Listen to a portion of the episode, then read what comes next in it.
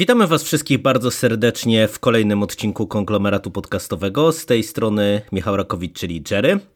Jest ze mną ponownie Marta Płaza z Final Girls. Witam Cię, Marto. Cześć chłopaki, cześć wszyscy. No i tak jak e, Marta już zasygnalizowała, jest nas dzisiaj liczba mnoga, jeżeli chodzi o chłopaków, bo dołączył do nas e, Mando, który się niestety nie mógł pojawić e, w poprzednim podcaście o krzykach. Hubert Spandowski. Mando, cześć. Cześć, bardzo się cieszę, że tu jestem. Co prawda, chyba nic więcej bym nie powiedział ponad to, co wy powiedzieliście w poprzednim podcaście, a już tyle o krzykach mówiłem, że, że to nawet chyba dobrze, że mnie nie było, ale na szczęście teraz jestem.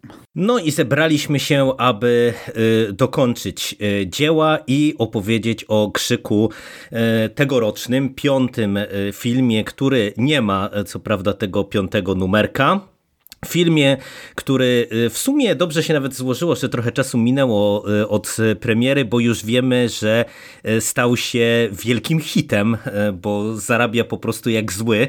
W ten weekend przekroczył 100 milionów dolarów w box office na świecie, co jak na pandemiczne warunki i horror, który jednak jest gatunkiem, który niekoniecznie zarabia tak dobrze, może świadczyć najlepiej o tym, że y, ten film y, przynajmniej jeżeli chodzi właśnie o e, część frekwencyjną e, będzie sukcesem, a czy jest sukcesem także jeżeli chodzi o odbiór fanów i krytyków, no to zaraz posłuchacie.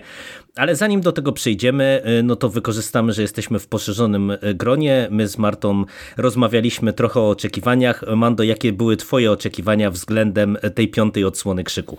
No, wiesz, no, my się znamy nie od dziś, nie? W tym tutaj domu krzyk, krzyku źle się nie mówi, krzyk się szanuje. E, my kochamy krzyk, ja kocham krzyk miłością e, bezgraniczną. Także oczekiwania były, ale były też obawy, bo e, trochę trochę nie byłem pewny, co. No, przyznam, że do końca szedłem z takimi obawami. Pomimo tego, że jak szedłem do kina, to już mieliśmy ten wysyp hura optymistycznych recenzji, gdy, ze, gdy zeszło embargo. Wiedzieliśmy, że, że, że, że no opinie są naprawdę niezłe, że te, te takie fajne głosy, że Wes Craven byłby dumny z tego filmu, nie? Więc już taki spokojniejszy szedłem, ale miałem obawy. No, no wiesz, no czeka, oczekiwałem dobrej rozrywki, oczekiwałem czegoś fajnego, oczekiwałem tego, co po każdym krzyku, że E, po 11 latach przerwy będzie pomysł na to wznowienie, że to nie będzie tylko kolejny sequel, chociaż teraz już wiemy, że najprawdopodobniej rozpocznie on falę sequeli, już pewnie bez takich oczekiwań, pewnie bez takich pomysłów, bo podejrzewam, że no teraz dostaniemy krótki wysyp znów krzyków. I nie wiedziałem za bardzo e, co to może być. Nie miałem w ogóle pomysłu na piąty krzyk. Ja od dawna sobie żartowałem, że jeśli zrobić krzyk teraz, to powinien to być właśnie film bez numerka w tytule, tak jak było, i powinien to być sequel, który ignoruje inne kontynuacje, tylko to był żart. Ja sobie nie wyobrażałem, jak to zrobić na poważnie, nie? A w sumie, no, nie, nie będziemy w tej pierwszej części spoilerować, ale trochę tym tropem poszli twórcy, więc, więc w sumie tro, troszeczkę to przewidziałem. No ale, ale naprawdę przebierałem nóżkami, to był, to był chyba najbardziej oczekiwany przeze mnie film tego roku. Mm, na nic innego już tak chyba nie czekam. No to pięknie. No tak jak zasygnalizowałeś, e, my postaramy się zrobić najpierw raczej krótką strefę e, bez spoilerów, e, aby później podyskutować o tym filmie raczej w szczegółach, no bo tutaj kilka rzeczy wydaje mi się jest godnych dyskusji Myślę, że to będzie taka, wiesz, o konkretnych rozwiązaniach. godzinna strefa spoilerowa, a półgodzinna bezspoilerowa, tak obstawiam w ciemno. No zobaczymy, zobaczymy. No o tym filmie ciężko mówić bez spoilerów mimo no tak wszystko. tak ogólnie, nie? Ogólnie jednak ten, jednak musimy powiedzieć, czy polecamy, czy było fajnie, tak bardzo, bardzo ogólnie, Dokładnie. a potem sobie przejdziemy i będziemy rozbierać go na, na części pierwsze. Możemy zacząć od twórców, e, bo e, no tak jak e, wspomniałeś, wszyscy wspominali, że Wes Craven byłby dumny, a osoby, które podjęły się schedy po Cravenie to Matt Bettinelli Olpin i Tyler Gillette. To jest dwójka panów, którzy stale ze sobą sobą współpracują przy w zasadzie swoich wszystkich pełnych metrażach. Oni wspólnie zrobili Ready or Not, czyli zabawę w pochowanego w 2019 roku. Mm, teraz wspólnie pracowali przy Krzyku, także pracowali przy Devil's Due w 2014 roku. Ja akurat tego filmu nie widziałem, więc nie wiem, czy, czy też to był dobry film, ale przyznam się szczerze, że jak zobaczyłem, że to oni e, e, robią, no to tak jak ty Marta sygnalizowałaś w tym naszym e, poprzednim podcaście, no oni po Ready or Not pokazali, że to może być dobry wybór, jeżeli chodzi o, o twórców. Marta właśnie wspominała, że widziała ten film, ty Mando widziałeś w końcu nie, nie, nie pytaj, Ready or nie Not, pytaj, nie? nie pytaj, cały czas mam brak. Niestety. Dobrze, dobrze. No a za e, scenariusz e, w zasadzie e, odpowiadało też dwóch panów, James Vanderbilt. W sumie dosyć zaskakujące nazwisko, bo on ma takie portfolio dosyć eklektyczne, bo znajdziemy tam i Zodiaka z 2007 roku, ale znajdziemy też te i Amazing Spider-Many, które no umówmy się zbyt dobrej prasy nie mają, chociaż teraz po tym nowym Spider-Manie jakieś zaliczyły powrót do życia e, oraz e, za scenariusz odpowiadał również Guy Busick, czyli trzecie nazwisko związane z Ready or Not, e, czyli można powiedzieć, że to taka silna, dobrze znająca się ekipa. No i krótko, żeby wprowadzić fabułę bez spoilerów, no mamy do czynienia tutaj z powrotem przede wszystkim do Woodsboro, czyli coś, o czym Kevin Williamson trochę przebąkiwał przy okazji swoich pomysłów na jakieś sequele. Tutaj faktycznie scenarzyści, twórcy zdecydowali się na taki powrót. No i mamy e, przede wszystkim skupienie się e, w pierwszej fazie na e, nowej młodzieży. Poznajemy rodzeństwo sióstr Carpenter w pierwszej scenie jako żywo przypominającej otwarcie oryginalnego Krzyku z 96 roku. Młodsza sióstr Tara jest brutalnie zaatakowana przez Ghostface'a. To ściąga drugą z sióstr, która w Woodsboro nie funkcjonuje imenuje sam. No i nagle okazuje się, że e, morderca zaczyna e, po Woodsboro grasować. Z jednej strony właśnie kręcąc się wokół sióstr Carpenter i mając określony plan uknuty wokół nich. Dlaczego? No to myślę, że sobie podyskutujemy w strefie spoilerowej. Z drugiej strony wciągając w centrum wydarzeń naszą starą ekipę, począwszy od Dewey'a, który w zasadzie jako ten trzon tej starej ekipy, jako jedyny jest na miejscu e, Woodsboro. No i od początku czuć, e, że twórcy mm, trochę flirtują z tym, co dostaliśmy właśnie głównie w filmie pierwszym, bo i mamy te nawiązania do e, otwarcia i e, mamy też bardzo bezpośrednią scenę metakomentarza właśnie na samym początku, mamy nową paczkę mm, znajomych, no i żeby nie przedłużać tej strefy właśnie takiej, mm, gdzie nie możemy się wyżyć, powiedzcie, jak oceniacie ten film? Czy polecacie go właśnie tak do obejrzenia? Czy jesteście e, zadowoleni? E, czy e, może jednak koniec końców żeście się trochę rozczarowali, rozczarowały? Y, ja generalnie jestem zadowolona, bo w zasadzie dostałam to, czego oczekiwałam, prawda? Tak jak mówiłam w naszym poprzednim odcinku, na temat krzyku. Mówiłam, że chciałabym usłyszeć coś o sobie jako widzce. No i mamy komentarz na temat nowego pokolenia widzów, prawda? Yy, chciałam, żeby ten film nie był tylko odcinaniem kuponów. No i dostaliśmy to, bo z jednej strony on bardzo czerpie z klimatu jedynki, bo yy, ja zresztą najbardziej lubię te jego aspekty nostalgiczne, czyli jak się yy, ta stara trójka spotyka i są tam jakieś y, smaczki w rozmowach y, nawiązujące do, do tamtych wydarzeń, więc to też jest fajne i nie takie oczywiste wbrew pozorom, więc y, ja myślę, że ten film się dobrze sprawdza jako film, który kontynuuje całą tą serię w jakiś sposób, ale też jako nowy początek, o czym mówił Mando, czyli to może być też fajny start y, do tego, co mogą przynieść kolejne lata, czyli jakichś nowych części.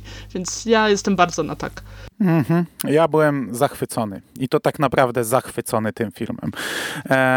W kinie siedziałem, ja w ogóle wiecie, no jestem taki człowiek, który ma wygląd, twarz ma takiego nabrmuszoną zazwyczaj, nie? Jakbym by, był zły, że tu jestem. W kinie siedziałem naprawdę jak dziecko w sklepie z cukierkami. Podejrzewam, że mogło to wyglądać upiornie, jak ja po prostu uśmiech od ucha do ucha i, i, i ten film chłonąłem jak gąbka, bawiłem się nim.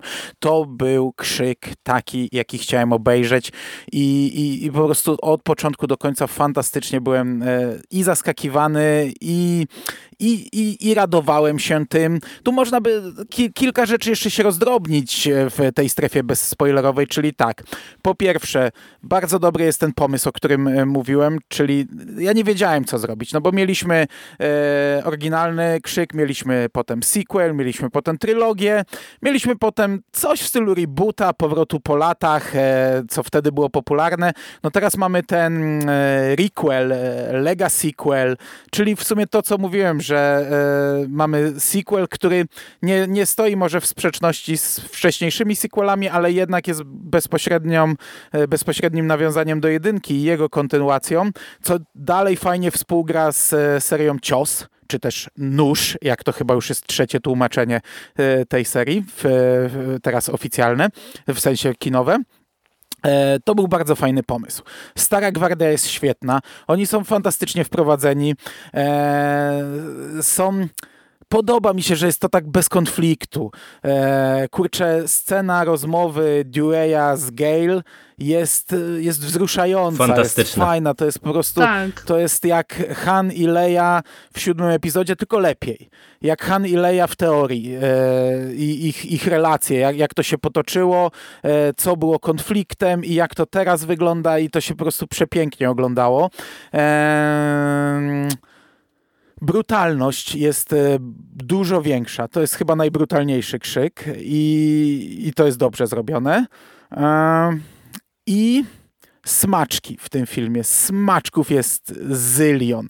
E, podczas oglądania w kinie Miałem może takie mikroproblemy na samym początku, że te nawiązania są zbyt, czasami aż, aż zbyt bezpośrednie. Na przykład scena w szpitalu, gdzie mm, sam mówi e, coś tam, wiesz, ja nie pamiętam dokładnie cytatu, dlaczego, dlaczego e, w takim razie nie podejdziesz do mnie i tego nie załatwisz. Od, odwiesza słuchawkę, a on wtedy mówi e, zgodnie z życzeniem nie? i wyskakuje za drzwi. No to jest scena jeden do jednego, dialog jeden do jednego z dwójki przeniesiona i takich przeniesień tu jest dużo więcej.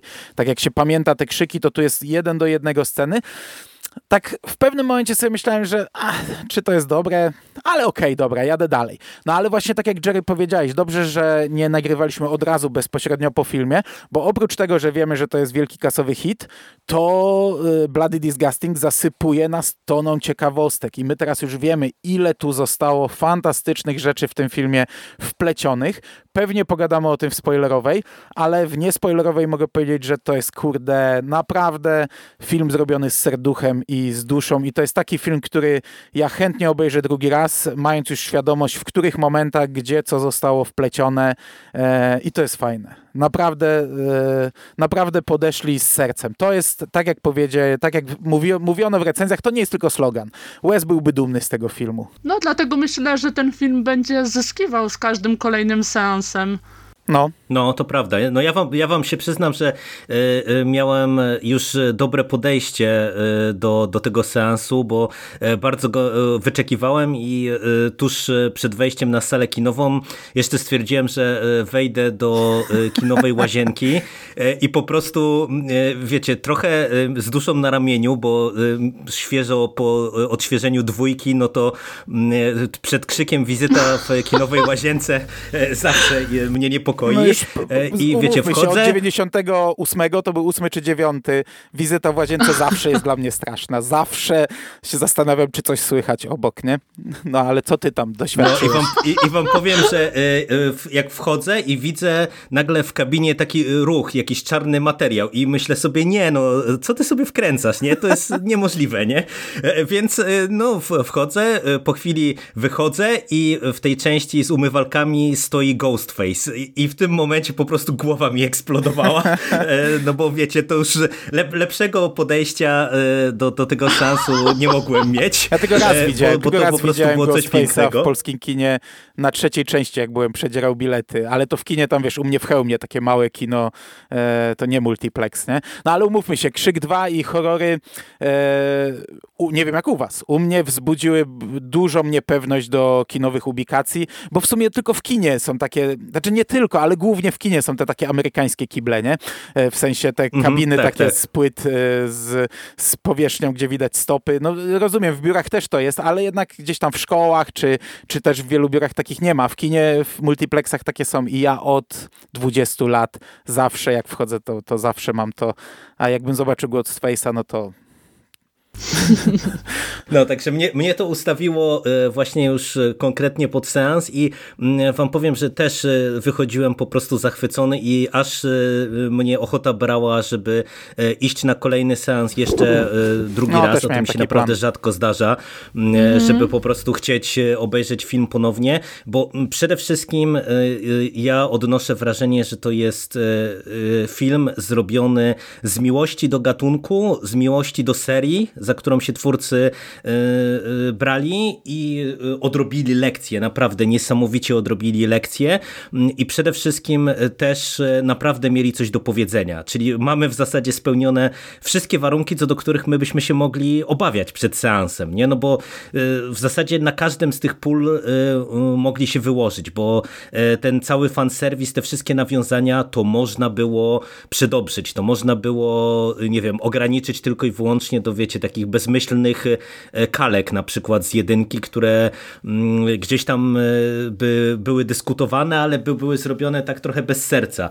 E, można, mogłoby się okazać na przykład, że właśnie no, nie, nie mają nic ciekawego do powiedzenia, co jednak tak jak rozmawialiśmy w tym wcześniejszym podcaście, no jednak każda kolejna część wnosiła nam coś do dyskusji o horrorze e, albo e, jako takim, albo komentowała e, to, co w danej chwili mamy. Tutaj ten warunek mamy spełniony.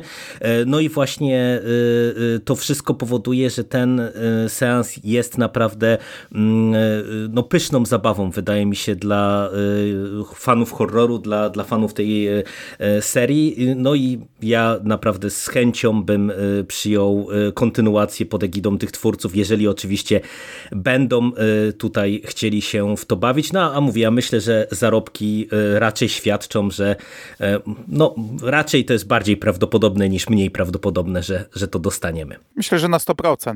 Jak teraz byłem e, na Misery w Gdyni, to z Ingiem trochę rozmawiałem o tym. On mówił mi, że te serie w sumie po, pogrzebały e, finansowa klapa czwórki. Ja nie pamiętam, jakie były zarobki. Miałem sprawdzić przed nagraniem i kurczę zapomniałem i że dlatego w sumie ona e, zdechła na te 11 lat. Mm, a tutaj przy takich zarobkach, no to jest pewne, tylko że no możemy sobie pogdybać, e, czy to chcemy, czy nie. Bo widzę, że Jerry bardzo chce. Mm, ja, no pewnie. No, a ja wam powiem, że ja tak stoję jedną nogą. Z jednej strony wiem, że to będzie fajne i, i, i widzę, że to może zadziałać już bez tej starej kadry. Można ich wziąć na bok i zostawić w spokoju, ewentualnie powrócą jakoś tam przypadkiem, a młodzi mogą to przejąć i to pewnie będzie dobre. Z drugiej ja cały czas, wiesz, cały czas mam w głowie krzyk jako coś, że to powstaje... E, e, e, nie jako bezmyślny sequel, nie, nie jako kolejna, kolejna, nie jako Stab 8, nie? A, znaczy, no to nie będzie Stab 8, nie? No ale nie wiem, czy rozumiecie, o co mi chodzi, że teraz jak powstanie mm -hmm. krzyk, pie, krzyk 6, to już, jeżeli to powstanie za dwa lata na przykład, no to już nie będę miał oczekiwań, że on coś wniesie. Będę myślał po prostu, że to będzie fajny horror i fajna zabawa. Dlatego ja myślę, że ta seria bardzo zyskuje na tym, że nie jest, te filmy nie powstają taśmowo, prawda? No właśnie, Czyli, znaczy te pierwsze co, powstawały co, jeszcze, nie? Ale no to tak, bajka. Tak, e, Dlatego ja myślę, że na przykład dobrze się stało, że między czwórką a tą częścią jest tyle lat, no bo jednak to jest cała dekada, prawda? Więc się wiele rzeczy zmieniło, więc ten film miał większy sens niż jakby y, powstał y, zaraz po czwórce. No i właśnie e, więc... potwierdzasz moje słowa, bo teraz jeśli powstanie szóstka, Dokładnie. no to już nie będzie tego odstępu czasu, nie? Już nie będzie tej zmiany. No trzeba się będzie z tym pogodzić. Ja się z jednej strony cieszę, bo kurczę, to są krzyki, nie? To są dobre rzeczy, a no, oni dokładnie. pokazali, że wiedzą, co z tym robić, więc kurczę, jak nam teraz powstanie nowa trylogia krzyku, to też będzie miało jakiś sens, nie? Jako no całość. No tak, zresztą mhm Mhm. Bo to, co cały czas powtarzamy, że siłą krzyku w dużej mierze było to, że on chwytał tą zmianę pokoleniową i zmianę w postrzeganiu horroru, więc z jednej strony też jestem ciekawa, e, jakby ten film wyglądał, e, gdyby powstał mm, w krótszym odstępie czasu, kiedy by nie było tego dodatku e, wiecie, tego backgroundu, nie? Że y, co, co się zmieniło przez te lata, tylko byłby to taki czysty fan, czysty slasher i to też by mogło być coś fajnego. Nie mówię, że nie. Tutaj y, ja bym trochę dyskutował, czy to było tak, że y, piątkę wtedy pogrzebały zarobki, bo teraz sprawdziłem, Czwórka. że ten film zarobił prawie 100 baniek y, przy budżecie 40 milionów, no więc no to, to nie, nie sądzę, tak żeby to była przyczyna, a z tego, co Williamson mówił w podcaście u Garisa, to myślę, że to raczej poszło awanturę, którą on miał z Weinsteinami na planie czwórki, bo Weinsteinowie się tam podobno bardzo mocno wtrącali i i, w zasadzie e, no, wyrzucili go z planu w którymś momencie, czy, czy on rzucił papierami, bo się nie mogli dogadać e, i ten film już później był robiony bez jego udziału, a e, no, on wspominał też wcześniejszą awanturę, jak zrobili trójkę trochę wbrew niemu, bo on był po prostu zajęty innymi rzeczami i wydaje mi się, że to mogło być to, nie? że miał jakieś tam prawa do postaci i, i się nie dogadali, no ale to nie ma co gdybać. No, mamy, mamy ten sequel po, po wielu latach, latach, no i to mm, e, wyszło e, temu filmowi na dobre. I żeby zakończyć tę sekcję spoilerową, to jeszcze tak e, powiedzcie mi, czy wam bezspoilerową, przepraszam. E, tak, troszeczkę. Ja, ja, ostatnio czasem za szybko gadam, za wolno myślę, przepraszam. E, powiedzcie mi, e, jak oceniacie właśnie tę warstwę meta i w kontekście tego komentarza na temat horroru i w kontekście tej takiej wewnętrznej zabawy, no bo ta część okazuje się być bardzo metagierką e, na kilku poziomach, bo właśnie z jednej strony komentuje horrorową e, rzeczywistość Anno Domini 2021-2022, z drugiej strony bardzo mocno pogrywa sobie mitologią całej serii i zabawami, takimi autoreferencjami do poprzednich części, no i bawi się w ogóle znowu tymi prawidłami horroru. Czy wam to się podobało, czy uważacie, że na przykład gdzieś tu tutaj troszeczkę y, twórcy przygięli. Y, mi chyba się najbardziej podobał ten aspekt takiej totalnej autoironii, w sensie, że oni tam y, meta komentują samych siebie i trochę wyprzedzają przytyki krytyków, prawda? Czyli komentują to, w jaki sposób krytykowałoby się ich film. I to tak trochę jest taka obrona przez atak, prawda? Więc y, to jest fajne, bo mam wrażenie, że tego w poprzednich częściach aż y, na taką skalę nie było. Że to raczej komentowało, te filmy komentowały y, bardziej same siebie niż relacje na linii twórcy-odbiorcy. Przynajmniej takie mam wrażenie. I fajne jest też to, że w tym metakomentarzu jakby wychodzimy poza y, te bliskie relacje między typowo bohaterami, y, czyli przechodzimy do internetu, y, do kwestii fandomów i, tym, i do tego, jak te filmy w ogóle żyją swoim życiem po, poza murami kina. I to też jest jakieś nowum i mam wrażenie, że to e, wyszło bardzo fajnie, tym bardziej jeżeli weźmiemy pod uwagę e, historię z realnego życia odnośnie realnych filmów, prawda? Jak były zjechane mhm. przez, przez fanów, jak chociażby nowy Matrix. Więc to jest e, to jest bardzo aktualne i sprawdza się naprawdę fajnie. Mhm. No, mi się to bardzo podoba, ten motyw tutaj toksycznego fandomu. E, to jest coś bardzo współczesne. Co prawda, fandomy zawsze były toksyczne, no ale teraz, jak mamy, jak każdy ma swój głos e, w internecie, e, to ta toksyczność jest już naprawdę e, przekroczyła pewne granice i to już jakiś czas temu. I to jest tutaj bardzo fajnie zrobione. I podoba mi się czasami wielopoziomowe nawiązania. Tak jak na przykład, wiesz, pokazali fragment trailera e, Stab 8, nie? beznadziejny, ale przeuroczy w swojej beznadziejności. E, ten Ghostface w metalowej masce z kapturem w bezrękawniku, z jakimś palnikiem, nie? no e, fantastyczna rzecz. Tak, I, motacz płonie, piękna no, no rzecz. i wiesz, wracam do domu, a Ingo mnie pyta, kolega ze, ze Stephen King.pl, czy załapałeś nawiązanie gwiezdnowojenne? No mówię, no nie. No, reżyser e, Stab 8 to reżyser ósmego epizodu Gwiezdnych Wojen, Ryan Johnson, który e, zrobił film, który był e, przez fanów uznany za sprzeczny i że wypiął się na całą franczyzę, nie? No i tutaj mamy coś takiego, tylko że to nie opada to nazwisko, tylko jest powiedziane właśnie, że on zrobił e, na noże że to jest reżyser, który zrobił na noże, nie? więc to takie jest y, dwupo, dwupoziomowe nawiązanie. I tutaj y, zarówno te horrorowe komentarze są dobre, ale te metakomentarze, pomijając to, co Marta mówiła, y, te nawiązania do filmów, do stabu. Ja w pierwszej scenie sobie pomyślałem, kurde ta pierwsza scena tak nie byłem pewien jeszcze, wiecie, bo zawsze ta pierwsza nas zaskakiwała czymś, to było zawsze takie coś wow, a tutaj dzwoni koleś i zadaje znów pytania o horror i o serię Stab. I tak mówię, nie, to nie jest, to, to, to nie wygląda dobrze, nie?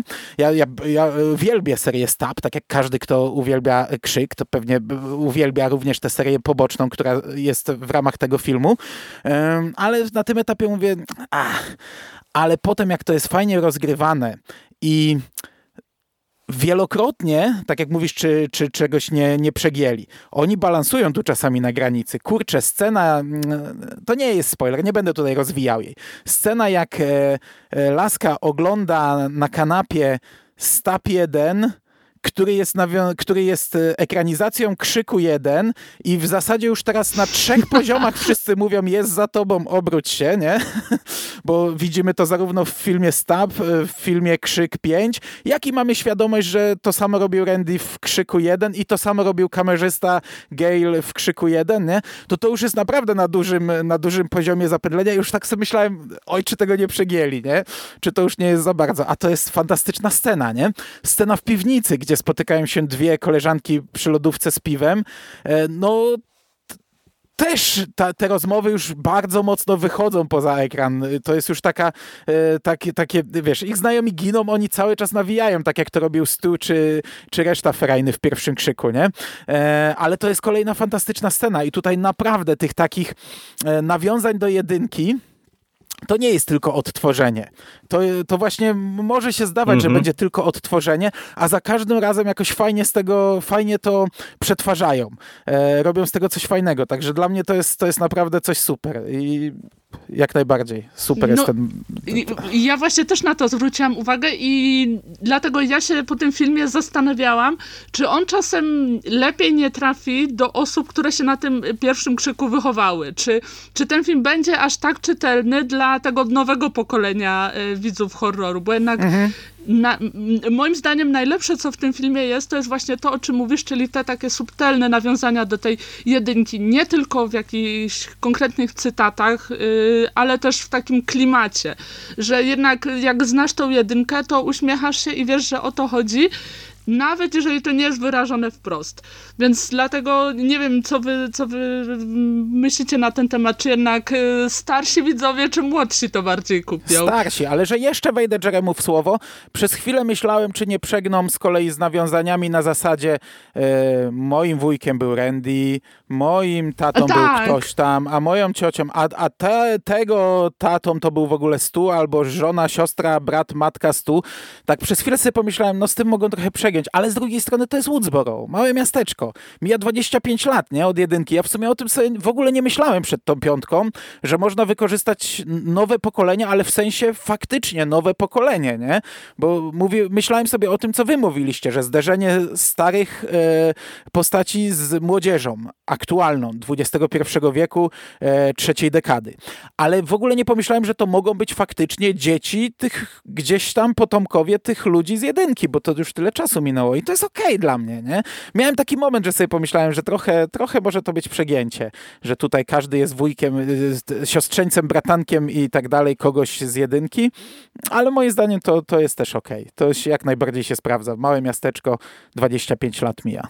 Moim zdaniem e, to na pewno ten film bardziej docenią ludzie, którzy się na krzyku wychowali, natomiast on będzie też dobrze działał, e, bo tak, żeby zakończyć e, tę strefę no, bez spoilerów, minęło, to wam... Tak sobie żartowałem. Tak, no, to, to powiem wam, że on też się według mnie bardzo dobrze sprawdza stricte jako horror, horror, co widać od tej pierwszej sceny, bo ty, Mando, wspomniałeś o tym, że ten film jest brutalny i akurat to mnie zaskoczyło, bo y, no, w sumie krzyk zawsze był dosyć krwawy i y, mocny pod tym kątem, e, ale wydaje mi się, że oni tutaj naprawdę y, podkręcili mocno mhm.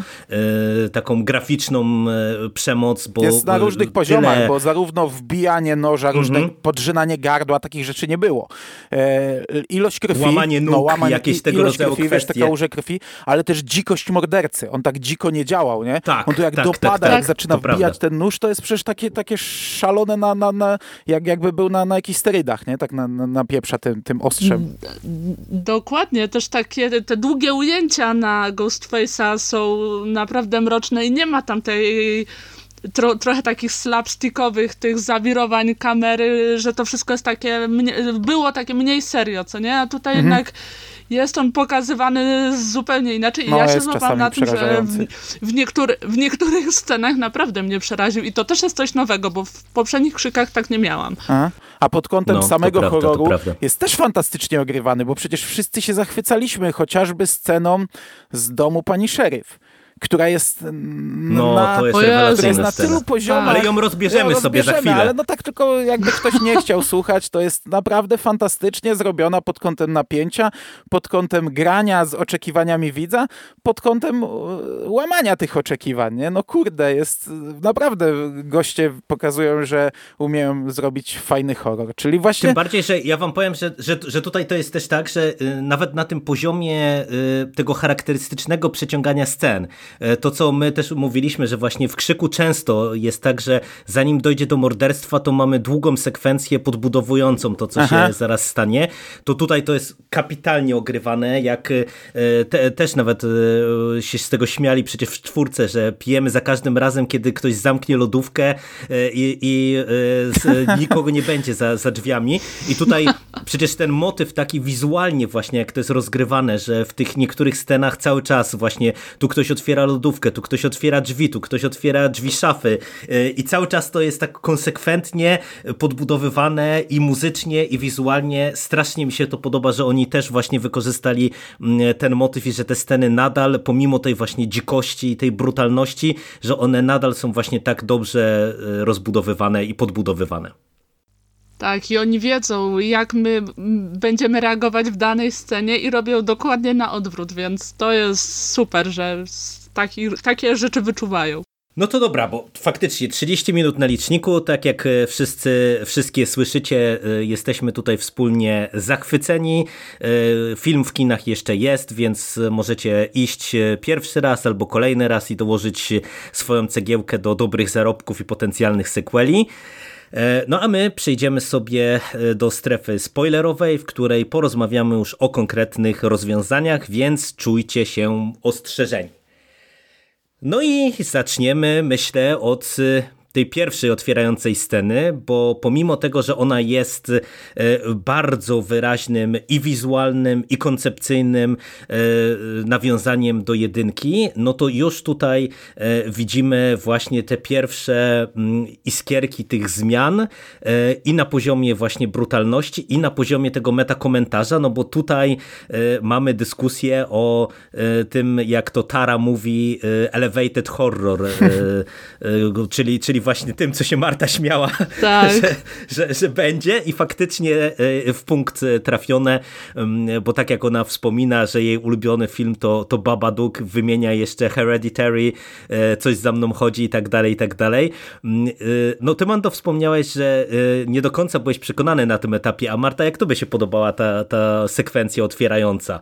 Jest świetna. Zacznijmy od tego, że warto zwrócić, o Jezu, przepraszam, że warto zwrócić uwagę e, na to, nawet jak Ghostface mówi do bohaterki, czyli teoretycznie Tara, a jej imię wymawia prawie jak terror, prawda? Terror. Coś jakoś tak akcentuje śmiesznie i to jest, to jest już jakiś taki... Yy, ps, yy, uśmiech w stronę widza, ale ogólnie mi się bardzo podobało to, jak ten yy, kwestię tego nieszczęsnego post-horroru twórcy w tej scenie ujęli. Czyli to jest takie mm, trochę zrównanie tych różnych światów, czyli nie, je, nie, że jeden jest lepszy czy gorszy od drugiego, tylko one razem koegzystują. No i skoro jesteśmy w strefie spoilerowej, to możemy powiedzieć, że zaskoczeniem jest już samo to, że bohaterka przeżywa. No, to jest właśnie zaskoczenie Czyli, tej pierwszej tak, sceny. Czyli to też jest jakiś tam y, haczyk, no bo na początku się zastanawiamy, do czego to będzie prowadzić, prawda? Nie wiemy jeszcze, co się wydarzy, więc, yy, więc sama ta fabuła idzie w takim niespodziewanym kierunku, bo co, co teraz? Czy Ghostface zostanie złapany, czy nie zostanie złapany? Także już myślę, że w tej pierwszej scenie mimo wszystko widać, że e, twórcy jakiś pomysł na tą fabułę mają. Także ja byłam zadowolona. Co prawda w krzykach od pierwszego filmu był motyw przeżywania, nie? Dewey tutaj jest weteranem e, przeżywania wielu ran e, kłutych, ale to jednak później, nie? Scena otwarcia to jednak tak, zawsze cho... musiał być tak. mord, nie? Zaczynający serię mordów e, gdzieś tam, nie? Dokładnie. Ja mówiłem, że ja to... nie byłem zadowolony, ale to nie dlatego, że to nie była dobra scena, bo to była ok scena, tylko że krzyki, tak jak tymi, tak jak tym, że każdy kolejny krzyk był czymś ważnym, trochę sobie zrobiły pewnie podgórkę dla następnych sequeli, bo teraz, tak jak mówię, no, mamy oczekiwania pewne i będziemy musieli z nich zrezygnować. Tak samo te pierwsze sceny e, zrobiły coś takiego, że jednak ma się oczekiwania od tej pierwszej sceny. Mm, ja już przy czwórce miałem, miałem mniejsze. Ja już sądziłem, że tam raczej nic nie będzie, a mnie zaskoczyli totalnie rozpoczęciem czwórki, więc przy piątce no cały czas myślałem, czym oni to otworzą. I, a to jest taka jednak tak normalna scena. Fajnie, że wykorzystuje ten e, nowy horror, fajnie, że wykorzystuje nowe rozwiązania, jak on jej tam zadaje pytanie, nie? Kto grał w scenie otwarcia pierwszego stabu, a ta tutaj komóreczka i, ich... Tak, tak, to jest kapitalny motyw. podaje, nie? Heter Graham tam. Niestety nie wychwyciłem tych nazwisk, tylko Schwimmera jeszcze widziałem, ale przy drugim seansie sobie spauzuję no to to już jest okej, okay, nie? I, I ta gadka o tym nowym horrorze to też jest fajna rzecz. I to, co mówiłaś, e, Marta, w tym waszym podcaście o tym, że jej ulubiony horror to Babadook, to też jest tu fajnie, bo w ostatniej scenie to puentuje, nie? Co też jest super, nie? E, zupełnie w ostatniej scenie filmu. No i plus to zaskoczenie, że jednak e, ofiara nie ginie, no ale jednak to już jest taka, no tak. dla mnie naj, chyba najmniej, chyba najmniej takie czymś zaskakujące i, i takie najnormalniejsze otwarcie, powiedzmy. Mi się bardzo podobało to, że oni tutaj wykorzystują te nowe technologie, ale znowu trochę w inny sposób, no bo właśnie mamy e, Google'a, który jest pomocnikiem e, w wyjściu z opresji. Mamy całą zabawę z e, tym, wiecie, smart domem, to co też widzieliśmy na aha, trailerach, aha. Czy, tak. czyli to zamykanie i otwieranie drzwi, co jest super motywem, bo to też jest tak, taki wątek powracający przecież we wszystkich krzykach, nie? gdzie tam postaci zamykają właśnie drzwi, okna i tak dalej, i tak dalej i, i nigdy do końca im się to nie udaje. Tutaj znowu to wraca tylko w nieco odmiennym stylu. E, no i też e, właśnie to, że e, już od tej pierwszej sceny ta brutalność jest na takim poziomie. Ja wam powiem, że to spowodowało wszystko, że ja byłem autentycznie zaskoczony, bo no tam jest to wbicie w dłoń jak tutaj mamy tak, no tak, no właśnie, to, ta scena jest po prostu, aż mnie wykręciło. E, jeszcze mamy to, to złamanie nogi, które też jest e, strasznie mocne, e, więc no, to jest tak, taki poziom dzikości, które no, widać, że od razu jesteśmy właśnie w kolejnym sequelu, który, gdzie, gdzie trzeba zrobić to wszystko mocniej. I właśnie bardzo fajnie, że Mata, ty podkreśliłaś to, że tutaj oni trochę zrównują nam ten horror i, i, i e, od razu, że tak powiem, przycinają taką niepotrzebną często dyskusję, co jest lepsze, e, bo według mnie to jest świetny patent na, na zasadzie takiej, że no my, jako trochę już weterani gatunku, czasem możemy zapominać o tym, że współczesne nastolatki one tak naprawdę się właśnie wychowały na tym, co niektórzy nazywają posthorrorem. Dla nich e, coś za mną chodzi, e, czy właśnie e, The Witch na przykład, to, to są takie filmy, od których oni zaczynali horrorową edukację bardzo często. Nie tak jak my od jakiegoś szrotu z VHS-ów tak naprawdę, czy, czy jakiegoś tam kampowego horroru z lat 80., więc to jest właśnie bardzo fajna też zabawa na takiej zasadzie, nie bez wartościowania, tylko tylko bardziej pokazująca pewną zmianę pokoleniową, która się po prostu mm, dokonała i, i tyle, nie? Super rzecz pod tym kątem. Czyżbyś sugerował, że nowy krzyk uzmysłowił nam, że latka lecą? Oj, niestety. No, troszeczkę niestety. tak. Gay Weathers jak się pojawia, to naprawdę jest... Ach. Ja nie widziałem tego spotkania po latach To bardziej mi Dewey uświadomił. No, ale Dewey super wygląda, naprawdę. Aha. Ekstra. Yy, no ale tak, to jest, to, to jest racja, racja o czym, o czym mówisz i generalnie no, ten, ta scena pierwsza nam uzmysławia, że kurczę, trudniej teraz być Ghostface'em, prawda? Jeżeli chodzi właśnie o te nowe technologie. No, to prawda. Trzeba zadawać pytania otwarte. W sensie. Dokładnie. to na kreatywność. Tak. No i po, po, tej scenie otwarcia mamy y, jakby takie podwójne, y, później jeszcze podprowadzenie, czy potrójne podprowadzenie e, do zapoznania poszczególnych postaci. No i poznajemy przede wszystkim starszą siostrę Sam i poznajemy jej mrocznego pasażera. No i teraz to jest e, e, ten wątek, który myślę, że bardzo wielu zaskoczył i myślę, że on może nadal być jakoś tam kontrowersyjny, e, czyli jednak to, co ja sygnalizowałem właśnie, że w sumie bym chciał, żeby może pojawiły się dzieci osób z, ze, starszy, ze starszych filmów, to w najśmielszych snach mi się nie śniło, że może się okazać, że będziemy tutaj mieli potomkinie nikogo innego, tylko samego Bilego Lumisa, którego jeszcze na ekranie e, kreuje e, oryginalny aktor z e, pierwszego krzyku, czyli Skit Ulrich. Odmłodzony oczywiście, ale, ale postać, która była, była na planie. Jak wam się w ogóle podobało to zawiązanie akcji? No bo my początkowo przecież nie wiemy, do czego to prowadzi, ale od początku, jak jesteśmy sam, widzimy właśnie, że Billy jej towarzyszy jako ten mroczny pasażer. Czy to nie jest za dużo, waszym zdaniem?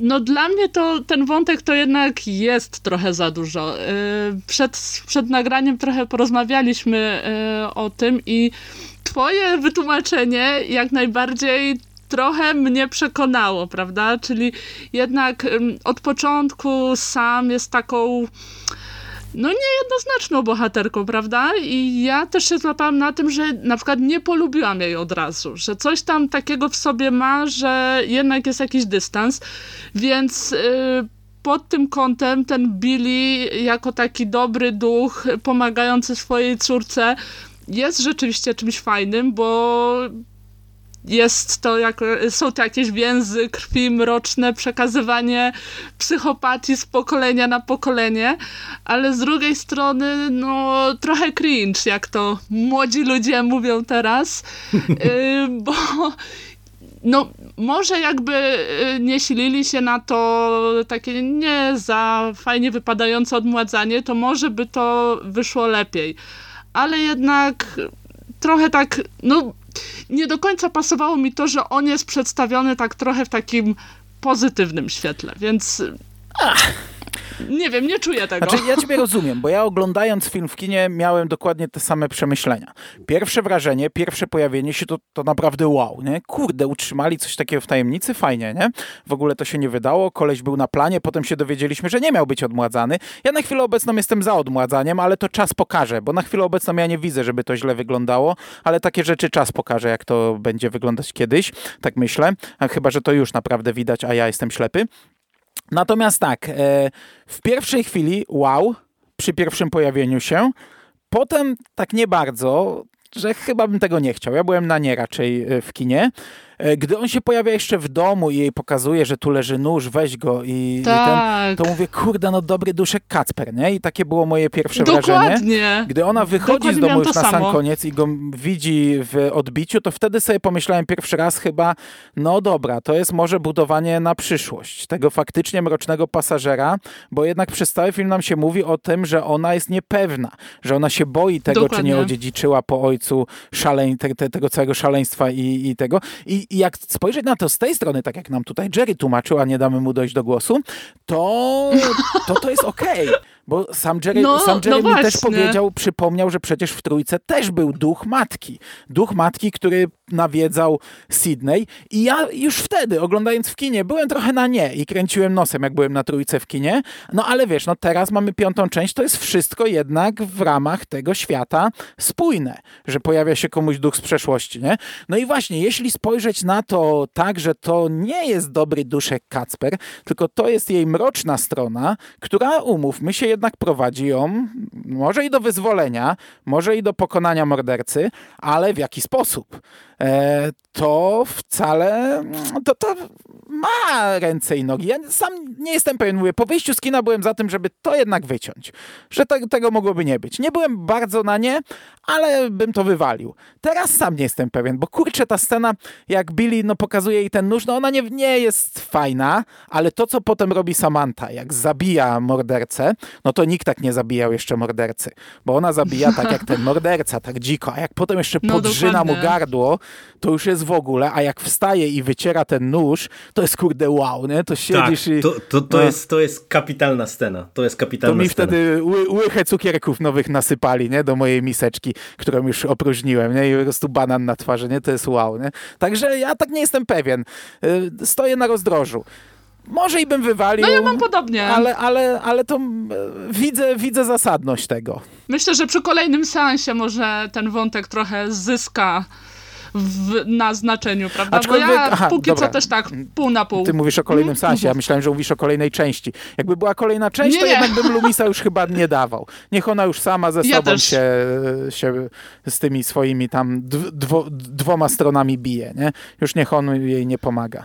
Jeszcze tylko dopowiem krótko, że wątek średni, ale teoretycznie może być punktem wyjścia do czegoś fajnego, więc zobaczymy. No właśnie ja y, trochę z tego założenia wychodziłem i y, y, mi tak naprawdę końcówka uratowała ten wątek, bo mi początek się nie podobał, bo ja w sumie nawet o tym nie, nie mówiłem w tym poprzednim naszym podcaście, ale ja nigdy nie byłem e, specjalnie fanem tego pojawienia się matki. Zawsze mi się to wydawało, że e, w tym No. takim mówię pojawienie się matki w trójce, No tak, nie? że tak, to tak. wiecie, jednak e, to był taki horror mocno e, utrzymany e, w tym świecie rzeczywistym, nie? I ten taki duch, który gdzieś tam, no, no niby to był sen, ale, ale i tak, no to było coś takiego, co zawsze mi się wydawało kontrowersyjne i tutaj też, tak jak ten początkowy szok, niedowierzanie lekkie e, jest duży, no to, to, to właśnie to, to tak sobie mnie przekonywało. Natomiast e, podoba mi się, że jak to jest wykorzystane fabularnie, bo moim zdaniem to działa e, na poziomie takim, że właśnie my jesteśmy niepewni co do Samanty i ją można wykorzystywać jako postać właśnie w całej tej fabule i ona jest wykorzystywana cały czas e, jako postać, co do której nie wiemy w zasadzie, czy ona e, ma czyste ręce, czy nie ma czystych rąk. Podoba mi się to jako fundament, na którym można budować kontynuację, bo właśnie ta scena, o której ty Mando wspomniałeś, to jak ona wyciera ten nóż e, tym takim klasycznym ruchem każdego Ghostface'a, który e, przejeżdża nożem pomiędzy palcami, to ja uważam, że to jest coś takiego, co mi, wiecie, ja mam ciary, jak teraz o tym mówię, nie? Ta, ta scena jest tak e, mocna i tak świetnie zrobiona Mm, i wydaje mi się, że to może być coś, na czym naprawdę można będzie uknąć ukuć jakiś, jakąś ciekawą kontynuację, no ale to, to się przekonany e, o tym później. Natomiast tutaj naprawdę całościowo e, e, mi to działa, chociaż chyba wolałbym go nie widzieć, mimo wszystko. No, jest to fajny smaczek, ale to już jest takie, to jest najbardziej na granicy rzecz, moim zdaniem, w całym tym filmie, który no, czasami balansuje właśnie na tej granicy. Mm, Takie wiecie, czy to już nie jest za bardzo meta na kilku poziomach i czy to już nie jest coś, czego nie powinniśmy oglądać na ekranie tak naprawdę. No tak, bo tutaj też można się zastanawiać w tym wątku odnośnie tego, co się nam mówi przez całą serię, czyli że filmy kreują seryjnych morderców, filmy są inspiracją dla morderców w tym filmie, prawda? A tutaj mamy mordercę z pierwszego filmu pokazanego w takim, no powiedzmy, niejednoznacznym świetle, więc mhm. dlatego to może też wzbudzać e, kontrowersje, no i dyskusje. No ale to jak e, e, mówimy o elementach, e, które mogą wzbudzać też dyskusję, no to zanim jeszcze przejdziemy do naszej starej gwardii, to pytanie o wszystkie te nawiązania i to, co Mando, ty się śmiałeś, że mamy trochę akcji jak z telenoweli, czyli wszyscy są spokrewnieni z kimś istotnym, bo mamy Wesa Hicksa, syna Judy Hicks, co mnie bardzo zaskoczyło, że ona się tutaj pojawia. No super. Ja się cieszę, że czwórkę odświeżyłem, bo ja bym jej nie pamiętał z czwórki. E, mamy rodzeństwo e, Mindy i Chada e, Mixów Martinów, którzy okazują się być dziećmi siostry Randiego i to I też to aktorka, też która pojawia, wróciła nie? z trójki. Fantastyczne. W trójce tak, miała tak. cameo po prostu i tu wraca, tuli się z nimi, nie? Witam was znowu. Taka Fajne. dobra mama no. dla wszystkich, tak, w trójce, całej grupy. W trójce ona była największym wow dla mnie, jak byłem w kinie, że, że jeszcze raz Randy, nie? Że przyszła siostra z kasetą i Randy nagrał jeszcze raz, ostatni raz e, reguły, nie? No, a tutaj, tutaj siedzą przed ołtarzykiem imienia Randiego. No, ale, ale właśnie jak, jak, wam, e, jak wam się podobał e, ten aspekt i te postaci? No bo no, to, to też, tak jak mówię, to może być coś dyskusyjnego, no bo jednak jak się spojrzy na tą paczkę, no to mamy Samantę, która jest spokrewniona z Billim Loomisem, mamy właśnie miksów Martinów spokrewnionych z Randym, mamy Wesa spokrewnionego z Judy Hicks, e, czyli tych, tych odniesień mamy dużo. No i jeszcze się pojawia e, w zasadzie ma cameo postać, która była spokrewniona z siostrą Stu, czyli jeszcze kolejna postać właśnie nawiązanie do przeszłości. Mm, ten aspekt wam działał, czy, czy to już właśnie byście, nie wiem, coś zmienili, wycięli, czy, czy nie? Czy, czy to było w porządku? U mnie chyba najlepiej e, działała, działała cała postać Wesa. No, pamiętajmy o tym, że mamy pierwszy męski prysznic, prawda? Tak, doskonała scena. No pierwsza nie, jeszcze wiesz, pamiętaj, pamiętaj o y, tym koszmarze z ulicy tak, Wiązów, dwójce i słynnej scenie pod prysznicem. Zgadza się. Tutaj mam no, ale pierwszy tam była inaczej rozgrywana, a tu jest dokładnie tak, jak się rozgrywa no, tak, prysznice tak, tak, tak. w tych, nie? On I, idzie, i zrzuca z siebie napra... szlafroczek, nie? Tak. W ogóle kapitalna jest cała ta, ca, cała ta postać nadopiekuńcza matka, y, syn trochę taki zagubiony i ta scena, która się rozgrywa y, w świetle dnia, gdzie nie wiemy, kto, które z nich pierwsze zginie, prawda? A tu się okazuje, że giną obydwoje i to w ogóle w, y, tak, tak napisanej scenie, że ja miałam chyba najbardziej na niej, e, na niej ciary i się łapałam cały czas na tym, że wydawało, wydawało mi się, że wiem jak się potoczy, że na pewno te drzwi otworzy, ale zawsze się działo coś tak, jest innego. Ten, jest ten moment, nie? Jak Wes podchodzi do drzwi tak. i my e, już zakładamy, że on znajdzie matkę, a on tak Dokładnie. tak naprawdę zamyka te drzwi. Ale widzę, że koniecznie chcemy o tej scenie pogadać, bo w sumie Jerry pytał o coś innego. Za chwilę wrócimy do tego, o co pytałeś. Tak, tak. Ale to jest, jak, jak, już, jak już zaczęłaś, to to jest fantastycznie rozgrywana scena, bo tu jest tak. przecież ze trzy razy otwieranie szafek i to jest tak wydłużone, wydłużone. I ktoś, kto by nie wiedział, czym jest krzyk, by mógł sobie pomyśleć, ale tutaj nie? A to jest przecież tak fajnie właśnie zrobione i za każdym razem sobie myślisz, dobra, teraz już będzie, nie? Nie, nie ma. Dobra, nie, nie, nie będzie, ale może będzie, nie? I właśnie wtedy potem te otwarte drzwi i sobie myślisz, teraz je na bank otworzy, nie? Bo tam leży martwa matka. A Dokładnie. on nie zamyka i w ogóle nie myślisz o tym, że jak się obróci, to zobaczy mordercę. Ja przynajmniej nie pomyślałem, nie? Także, także jeszcze mnie mordercą na koniec zaskoczyli, bo w ogóle już o tym nie pomyślałem, że on tutaj będzie i wyskoczy na niego, nie? Tak, więc te meta komentarze chyba mi u niego najbardziej działają, no i u Mindy, która komentuje losy swojego wuja w z poprzednich części, więc to jest naprawdę epickie. Mindy jest bardzo fajna. To jest taki niby trochę nowy Randy, e, co prawda nie rzuca regułami, ale to jest ta babka, która zna się na horrorze, nie? Tak jak mieliśmy tą cheerleaderkę z Heroesów w, w czwórce i tych chłopaczków dwóch, e, e, tak tutaj ona jest tą, która się zna, nie? która zna zasady horroru i o tym gada, kto może być mordercą, kto nie może.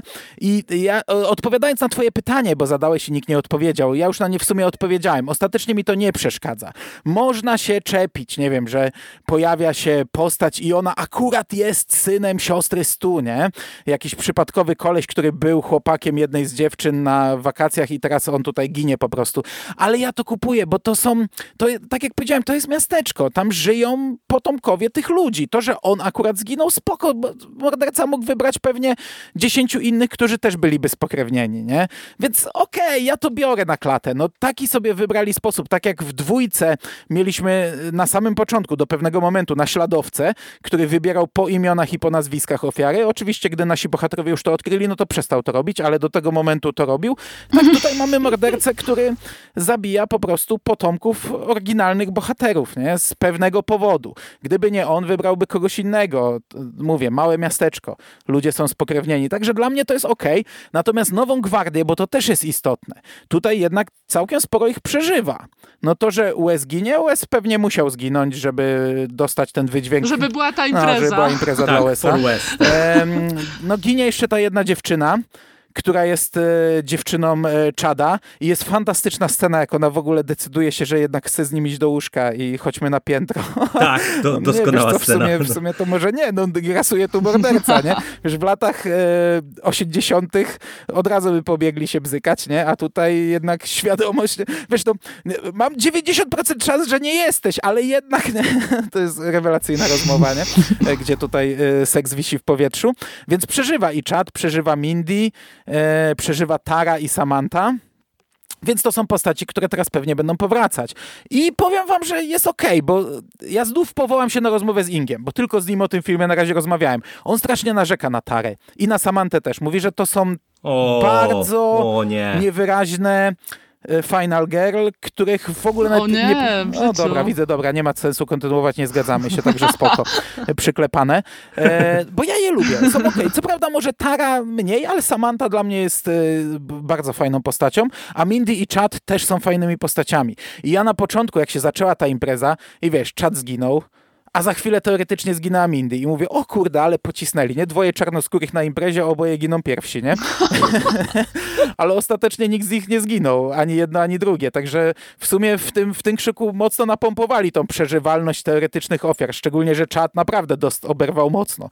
Tam Mindy to jedno cięcie, a on, to, to, ten dziki szał mordercy na nim był przecież, ale fajnie, no tak. ja, ja w nich widzę potencjał na dalsze postaci. Wes był taką postacią... Mm, nie wiem, czy bym widział. Bo on był.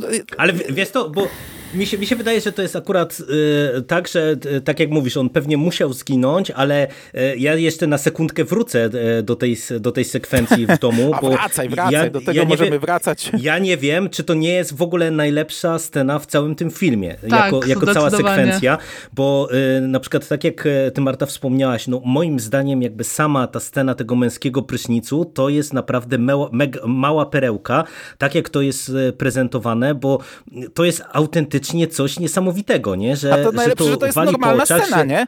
Tam nie ma żadnej golizny, tak, dokładnie. koleś idzie, zdejmuje się tak. pod prysznic, wszystko okej, okay, tylko po prostu mamy tyle...